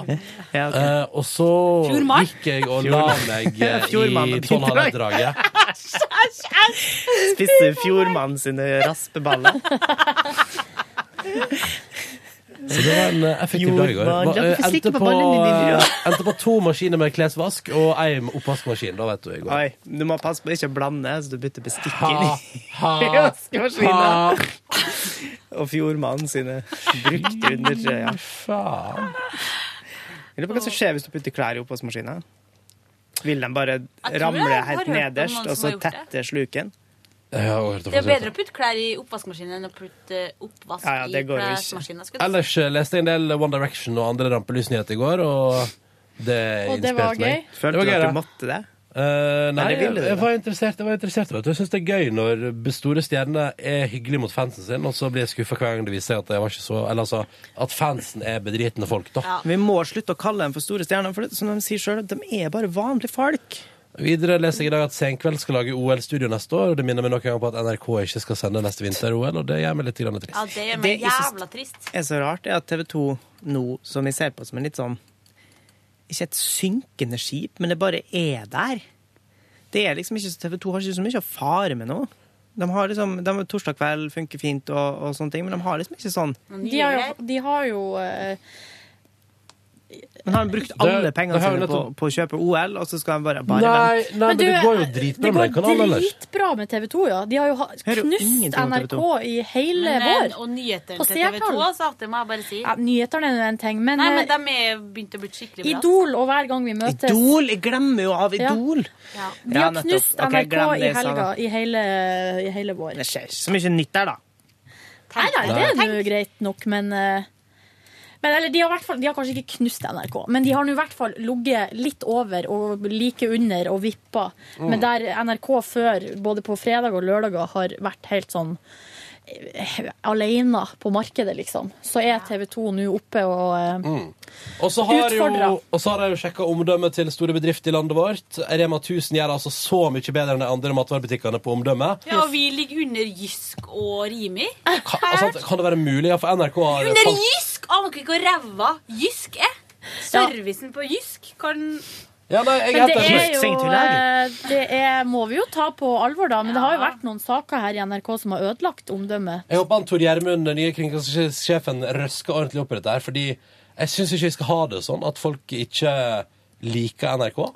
Dessverre så tror jeg det har mye med lisens og at folk ikke føler at de får Ja, men det er den der eh, romkvinne... Roms- romsaken. Ja, det er sant òg. Um, og litt, også er jeg vet ikke, men det er noe Men det må dere huske på, dere som hører på podkasten, at uh, hvis dere for eksempel, at vi er også et NRK-produkt. Mm. Så hvis du liker oss, så bør du i utgangspunktet synes at NRK gjør noe riktig, da. Ja. På et vis. For det kan være litt lett å glemme. For eksempel eh, at man kanskje glemmer TV-lisensen. Det er jo også det som gjør at vi får å lage radio. Ja, ja. Og på avdelingsmøtet i går så Og at vi slipper jo å ha reklame og, være, og på en måte forholde oss til kommersielle aktører. Det betyr jo at vi kan gjøre hva vi vil, si hva vi vil, bare dur på her uten å være redd for at plutselig så skal eksempel eh, Ja, hva, jeg må, hva si et merke? Noen som har reklame. Plutselig så ringer Gisk og sier sånn Hvis de idiotene på P3 Morgen holder på sånn som det de gjør nå fremover, så orker ikke vi å uh, reklamere på kanalen deres. Så hold de i ørene. Ja. Ja, Så sier de Kan sånn være, ja. Men hvis det blir regjeringsskifte, så Men det er jo også, det kan bare ta Men grunn- Høyre kommer ikke til å stryke det lisensen. Men det er sånn, og så er man sånn, og så sier man sånn hvorfor Jeg òg var jo sånn en periode. Hvorfor kan ikke man bare ta det lisenskjøret inni resten av skatten man betaler, så man ikke merker det? Og at det liksom bare går til den felleskassa. Og det har jeg jo lært etter hvert, er jo fordi eh, det skal være 100% uavhengig. Og da kan det ikke eksempel da La oss si at Arbe- Arbeiderpartiet får en litt sånn kjip Dagsrevyen-sak om et eller annet. Mm. Snus. La oss si for at en ordfører i partiet i et lite bygd oppe i Vågå der, eksempel, som driver med noe snusk. og så syns Arbeiderpartiet eksempel at det kunne vi tenke oss at NRK ikke Ja. Dårlig reklame for Arbeiderpartiet. Ja. Så da sier jeg for eksempel sånn du, Vi tar og fjerner noen millioner fra den NRK-greien, og så får ikke jeg laget så mye nyhet lenger. Altså, skjønner du, det skal være Ja, helt så Hvis det kommer på skatteseddelen, så kan det skje. Fordi det er Stortinget som bestemmer hva de pengene eh, på, skal brukes til. Men sånn som det er nå, så er det jo en fast sats som er bestemt. Mm. Eh, som er lisensen som folket betaler, og som går til oss. Mm. Og så lager vi da fjernsyn og radio og internett for det. Vi prøver så godt vi kan, så Ja. eh, kan man jo alltid bli bedre, da. Mm. Du, Jobber hardt, du Sigrid, du jobber veldig hardt. Dere jobber jo ha- hardere enn meg. Dere jobber hardt. Nei, du jobber hardt. Herregud. Alle unntatt meg jobber De som hardt. betaler lisensen, har jo også jobba hardt. Ja. for Det har å, de. så det skal vi jo være i- Men veldig altså, jeg kan ikke takknemlige for. begynne sånn, for eksempel, eh, fordi jeg har begynt å slå tilbake med å si, hvis for eksempel min kamerat som jobber i DNB, da, har vært på fest, og sier, ja, å jaså, så det er det mine, mine renter går til. At du skal sitte og Ja, ja, drikke ja. chablis og ta det Liker rolig. det. Liker hva du tenker. Og så da, hvis, de, hvis noen som kanskje jobber på Rimi, skal gjøre et eller annet, altså for eksempel kan drikke Magaluf. kaffe på jobb, så sier jeg, å ja, så det er det min, eh, mine utgifter på melk går til. At du skal få lov til å sitte og, og ta for deg av Kiwi, altså av Rimi sitt kaffelager på pauserommet. Fordi at det blir jo Gjør du det, eller bare tuller du nå? Jeg kjenner ingen som jobber på Rimi. Er du gæren? Nei da. Eh, ja, jeg gjør det, men det er jo sett veldig på spissen, da. Ja, Mm. For da tuller du, ikke Ja, da tuller jeg kjempemasse, og da flirer folk, for de ser at jeg glimter litt i øynene mine. Og da blir jeg først litt usikker, og så ser de bort på meg, så er det sånn Jeg diskuterer ikke lisens, lisens på fest. Jeg var på fest på Hamarøy, og da var det Det var noen sånne eh, som, eh, som, som, li- som er litt negative da, på ting og her i samfunnet vårt. Sånne klagere, som jeg liker å kalle det. Som Mm. eh, på denne festen plutselig litt sånn ut av det blå. Og jeg tror det var muligens fordi at jeg var der. Begynte også eh, å slenge ut snøret. Ja. Lisenssnøret. Ja, ja. For å se om jeg skulle bite på kroken. Det er sånn Hei, Bjørn, kan du sende meg en pils? Så har du lisens? Eh, og der ble det blant annet sagt hvorfor skal jeg betale lisens? Jeg betaler jo Kanal Digital. Um, men altså, alle de her Alle agnene. Jeg lot det passere. jeg jeg, må gå og slå lens. Jeg måtte jo Nei, jeg, måtte, jeg, jeg skal gå og slå lens. Nei, jeg skal gå og slå en som tar min lisens. Eh, jeg ble sittende i forferdelig altfor lenge etter min smak eh, og krangle med to voksne mennesker. Eh, far og datter. Voksen datter og enda eldre far. Var det dama di? Nei, nei, det var noen jeg ikke kjente. Det var søstera eller søskenbarnet til dama til en kompis av meg. Du må ikke diskutere lisensen med søstera til det var dama til en ikke jeg som begynte med det, men da, der måtte jeg sitte og forsvare analsexopplæringa til juntafil. Ja. Eh, og lisens, eh, lisensbetaling eh, og dette her, da. Så er det at Da Juntafil kom på P3 her, det var, det var faen meg en revolusjon, altså. Mm. Sorry, altså, men det, det var det. Den gangen, Når var det? Husker det var, jeg, jeg gikk på ungdomsskolen da Juntafil dukka Ja, opp på radioen første gang. Og det var jo skakende, og folk var så rysta og klikka på NRK. Det var helt skandale at man på en lørdag i beste sendetid kunne opplyse ungdom om sex. Eh, men på den Det, det, det var sånn derre eh, Og for en gangs skyld var det ikke så jævla kleint og rart og stivt heller. Og nå har de Stivt pina meg skeiv uke på Paradise Hotel. Ja, så så så langt har vi kommet. Ja, det skal man, uh... Men det er jo to ting jeg ikke diskuterer på fest, eh, prinsipielt. Det er Ja, vi kan legge til Juntafil da, som en tredje ting, men eh, det er lisens, og så er det P3 sin musikkprofil. Der setter jeg Det er bare Jeg orker ikke å diskutere. Jeg heller biter ikke på lenger. Nei. Jeg orker ikke mer. Det, Det, er det hives det ut agn, biter ikke på. Nei, biter ikke på. Men det er litt sånn, og det er litt sånn der, og den der med P3-musikken, det der eh, Men jeg kjenner at jeg blir jo litt keen på å diskutere det, fordi folk er sånn Det som er gøy, er at P3 er en ungdomskanal, eh, men det som er gjennomgående, er at idet folk føler, seg, føler at musikken er dritt, så er det fordi man er i ferd med å bli for gammel, altså. Men vi satt jo her på pauserommet på NRK. Uh, nei, på, uh, vi var på sånn eh, lønningspils med kantinepersonale, der jeg og du, Ronny, befant oss i da en diskusjon med de eldre kvinnene som jobber i kantina. Som elsker Radio Norge. Som bare hører på Radio Norge og blæsta det utover hele kantina. Og da diskuterte P3s musikkprofil med dem. Og så blir det sånn Ja ja, men det er greit at dere ikke liker det, men det Strengt tatt, vi sa jo ikke det, da, men det driter vi Ja, Ja, ja. Det driter vi i. ja, det var så mye bråk og ja, så mye Ja. stygg musikk og Skulle gjerne hatt noe Joe Cocker eller ja. Den der Sitting on the Dock of the Bay og sånn. det hadde vært digg. Sitting on the dock of the Det er Agne, derimot. bay. Det er Agne. Er Det vet det dere på. Joe Cocker? Jeg vet ikke. Jeg vet ikke. Jeg, vet ikke. Ikke jeg, vet ikke. Marvin Gaye, ja. Nei, er det det? Så, nei, det kan være Joe Cocker. Ja. Samme kan det være. Norge vet alt om det. Men uh, i alle fall, og så er det også sånn der, og det som er veldig gøy, at det er veldig ofte litt eldre folk som er litt sånn sint på musikken vi spiller opp etter. P3. Og så er det òg så kan man ta den lange diskusjonen, for eksempel sånn Ja, det, det låtene går for ofte. Så svarer jeg sånn Ja, så kan jeg svare sånn Ja, men det viser seg jo gang på gang at eh, dere som hører på P3 hele dagen, er et ekstremt mindretall, og vanlige nordmenn hører på radio ca. en halvtime om dagen. Mm. Så da kan man jo eh, Kan man jo vurdere, da. Eh, og så er det òg det der med Og alt var så mye bedre før-argumentet. Det stemmer ikke, for vi, Nei, vi har vært og sett på de musikklistene. ja, Ja, vi, vi sitter, vi sitter på radioarkivet, vi. Vi har hørt de sendingene fra 90-tallet der. Ai, og ai, er det én ting jeg kan love deg, så er det at P3 har aldri hørtes bedre ut. Sorry, altså, men det er tilfellet. Man husker bare de gode tidene. Ja, men. Men uh, så er det også morsomt når man da, for eksempel, eh, som vi hadde forrige helg, uh, sånn, ikke en diskusjon, men det var bare han var interessert i å vite dette her. Og da spurte jeg jo hva slags musikk han liker, og da var det mest syntpop fra 60-tallet. Eller et eller annet som var Ja, men jeg kan ikke spille det, da. Nei, nei, det var ikke det som var poenget. Nei, nei, nei. Men Ja. eh, det hadde jo vært deilig å kunne spilt Boys of Summer og sånn òg, da. Her, i hvert fall når det begynner å nærme seg. det, og høres 20 år eldre ut. det er Husker du litt- denne, Silje? rått å dra på det. Du, det her er en, av de beste sangene som har blitt spilt på P3. Enig. Det er faen meg helt fantastisk. Det? Det er Lano Places med Isolation Street. Stemmer. Det er norsk. Er de fra Trondheim? Jeg husker ikke. Jo, de er norsk. Skal jeg bare høre litt på verset. Det skal bare, ja, Dette er så rart, men den sant, holder kvaliteten der. Usikker. Du, jeg har en liste på Vimp som heter Gammelt fint. Dette var den første låta som jeg la inn der. Da da en Hanaomi med Born in the Fisherman's Net. Å, det er så bra! Nei, ikke, ikke søk opp den nå. Vi skal høre litt Jeg på den først. Jeg har den på singel. Hanaomi med Fisherman's Net. Ha den på CD. Vi legge den her, da, så vi kan spille den på Gold-lista? Men kanskje vi kan stikke den inn der. Rock'n'Roll, det må vi spille. Det går an å spille dem av og til på sommeren. Verdens lengste intro. Ja, veldig lang, ja. Men den er veldig fin. da. Men Nå har tenker jeg. alle sagt hva de gjorde i går? Ny rute. Har du?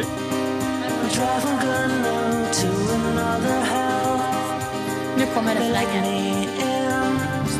Kort vers. Så fin. Ja, vers en gang til.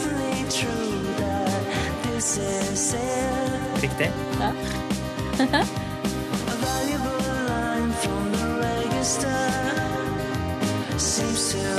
Jeg tenkte Den eneste låten som har festet seg fra P3 på 90-tallet for min del, altså.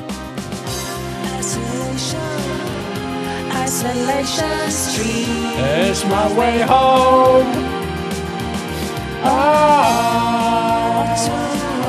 Fint! Ja da. Det er nydelig. Eh, så den ligger i hvert fall på eh, Vimp, sikkert også på Spotify, hvis noen vil, Garantert. eh, vil høre. Også det her Skal vi se. bandet, Lano Places, de hadde bare denne Jeg låta. hadde bare den. Skal vi se nå, Hvis jeg klikker inn på den, skal vi se om vi finner noe jeg- såkalt metadata. Jeg skal gjette jeg gjetter på at de kommer fra Trondheim. Skal vi se. Eh, Høres Hallo? ut som trondheimsfolk. Sigrid, hva gjorde du i går da mens Ronny leita? Jeg var på jeg Ikke kom- si du var på trening. Jo, For jeg var klipp faktisk det.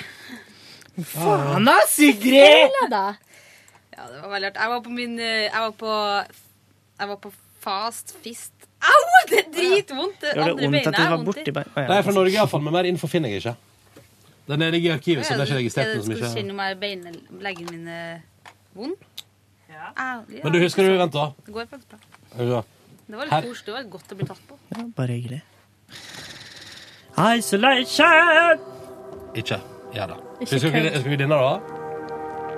Du, Her er det en radioprofil på vokal. Skal vi se om dere klarer å gjette hvem det er. Er det I? Ja, det er du, Yngve. Nå Er det kommer Silvani Brisen? Nå kommer du straks og synger, altså. Er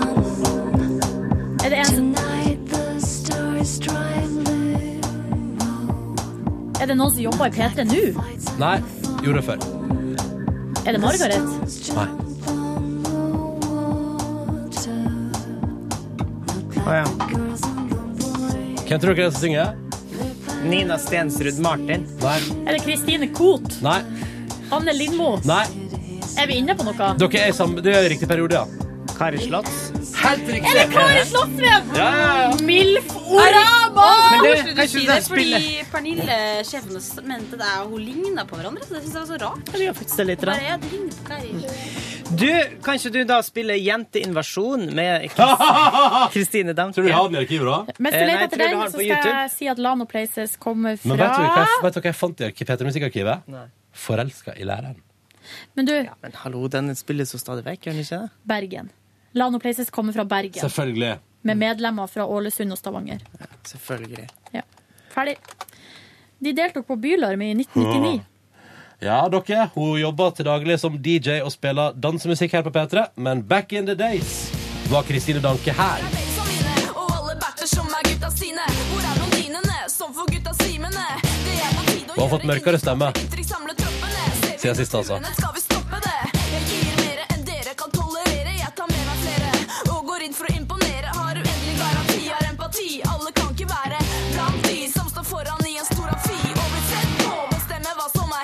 Er hett nå. Ikke det? Nå kommer refrenget. invasjon på din Nei, stasjon. jeg tror det kommer akkurat nå, tipper jeg.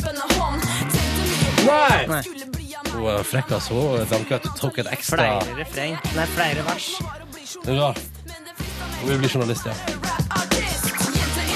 Men seriøst,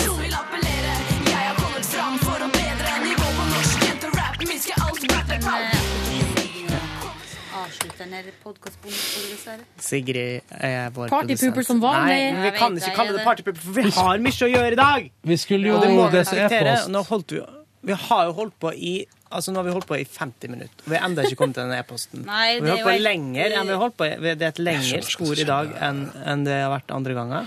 Gjorde dere mer enn å trene i går da, Sigrid? Nei. Nei, er du sikker? Ja. Hva spiste du? Pizza. Å, hva s- Grandiosa? Nei. Hva da? Spist pizza på Olivia, er det det? Å, var du på italiensk Ja, restaurant? yes, med mitt søskenbarn. Var du på uteserveringa? Ah, Utserveringa? Ja. deilig pizza der. Vi skal ta eh, en mail vi har fått fra Tore. Hei, Tore. Det her er en flau historie. Jeg Det var klar. en gang Nå tar jeg det i første person, altså det høres ut som at jeg er Tore. Ja, jeg kommer til å sitere det. Ja. Åh, nå En står gang- Jonas J. Tomter utafor. Ja, men det får han bare drite i. Jonas, vi skal bare ta en liten historie. Kjempebra! Ja, Jonas, hvor lenge skal du ha studio? studio? Hvor lenge skal du ha studio? To timer. Ta det på bakrommet. Altså forrommet. Ti til tolv, da, eller? ti til tolv. Ti til tolv? Ti til tolv? Ti til tolv? Ja, Ja. men da må vi komme oss til helvete ut Ja, men vi skal lese e-posten først. Kjør på! kjør på. Det var en gang jeg og en kompis var på vei ut på byen og hadde med oss to vinflasker. Jeg liker at, ja, Som vi skulle drikke på vors, men det var ingen som hadde vinåpner.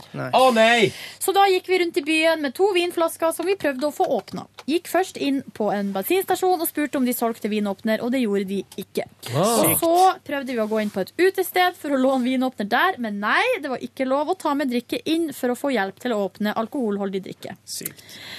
Yngve, der sitter du med så- ironisk distanse til lytterne våre sin e-post? Dere har Nei, men altså, det er jo Det sporet her går jo ut på.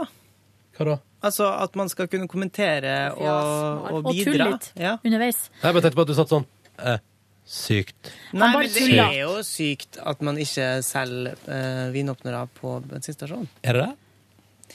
Ronny, la oss gå videre. Jeg tror Yngve bare tulla. Ja.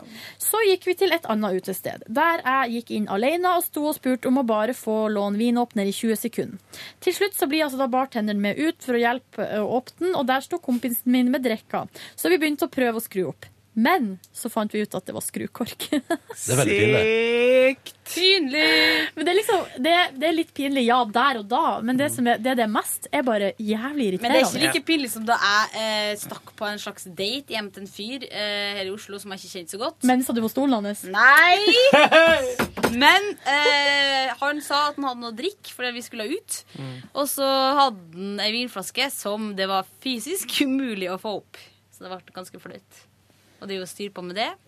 Så jeg bare stappa han opp i fettet, og så dro han Sigrid! Det Du der- får ikke lov til å si kommentere på syke Jeg kødda. Nei, det vi måtte gjøre, var at vi måtte ha knust flaska mot uh... mot fitta. Ja. Sigrid. Jeg pissa meg ut, det er for artig. Og med det avslutter vi dagens okay. podkast bonusspor Ja. på frigjøringsdagen den 8. mai. Ja, Heng ut flagget i dag, da, hvis du kan gjøre det. Dette Heng ut flagget, da, på alle måter. Hvis du hører til framtida, så er jo dette her irrelevant. Men vi tar lang helg fra podkast bonusspor. Og podkast Vi lager Jo, det blir podkast på mandagssendinga. På mandagssendinga kommer på podkast. Ja. Men eh, vi tar lang helg, og så må du ha det riktig deilig. Og fortsett å sende oss e-poster av den typen her. For Tore T-skjorte, da, Silje. Selvfølgelig gjør han det. Ja, ja. Alle mailer som blir lest opp eh, av, med flaue historier, får T-skjorte. Mm. Sykt. P3morgen krøllalfa nrk.no hvis du vil hive på din flaue historie. Ha det bra! Ha det! Du hører nå en podkast fra NRK P3. Hent flere podkaster fra NRK på nettsiden nrk.no podkast. NRK P3.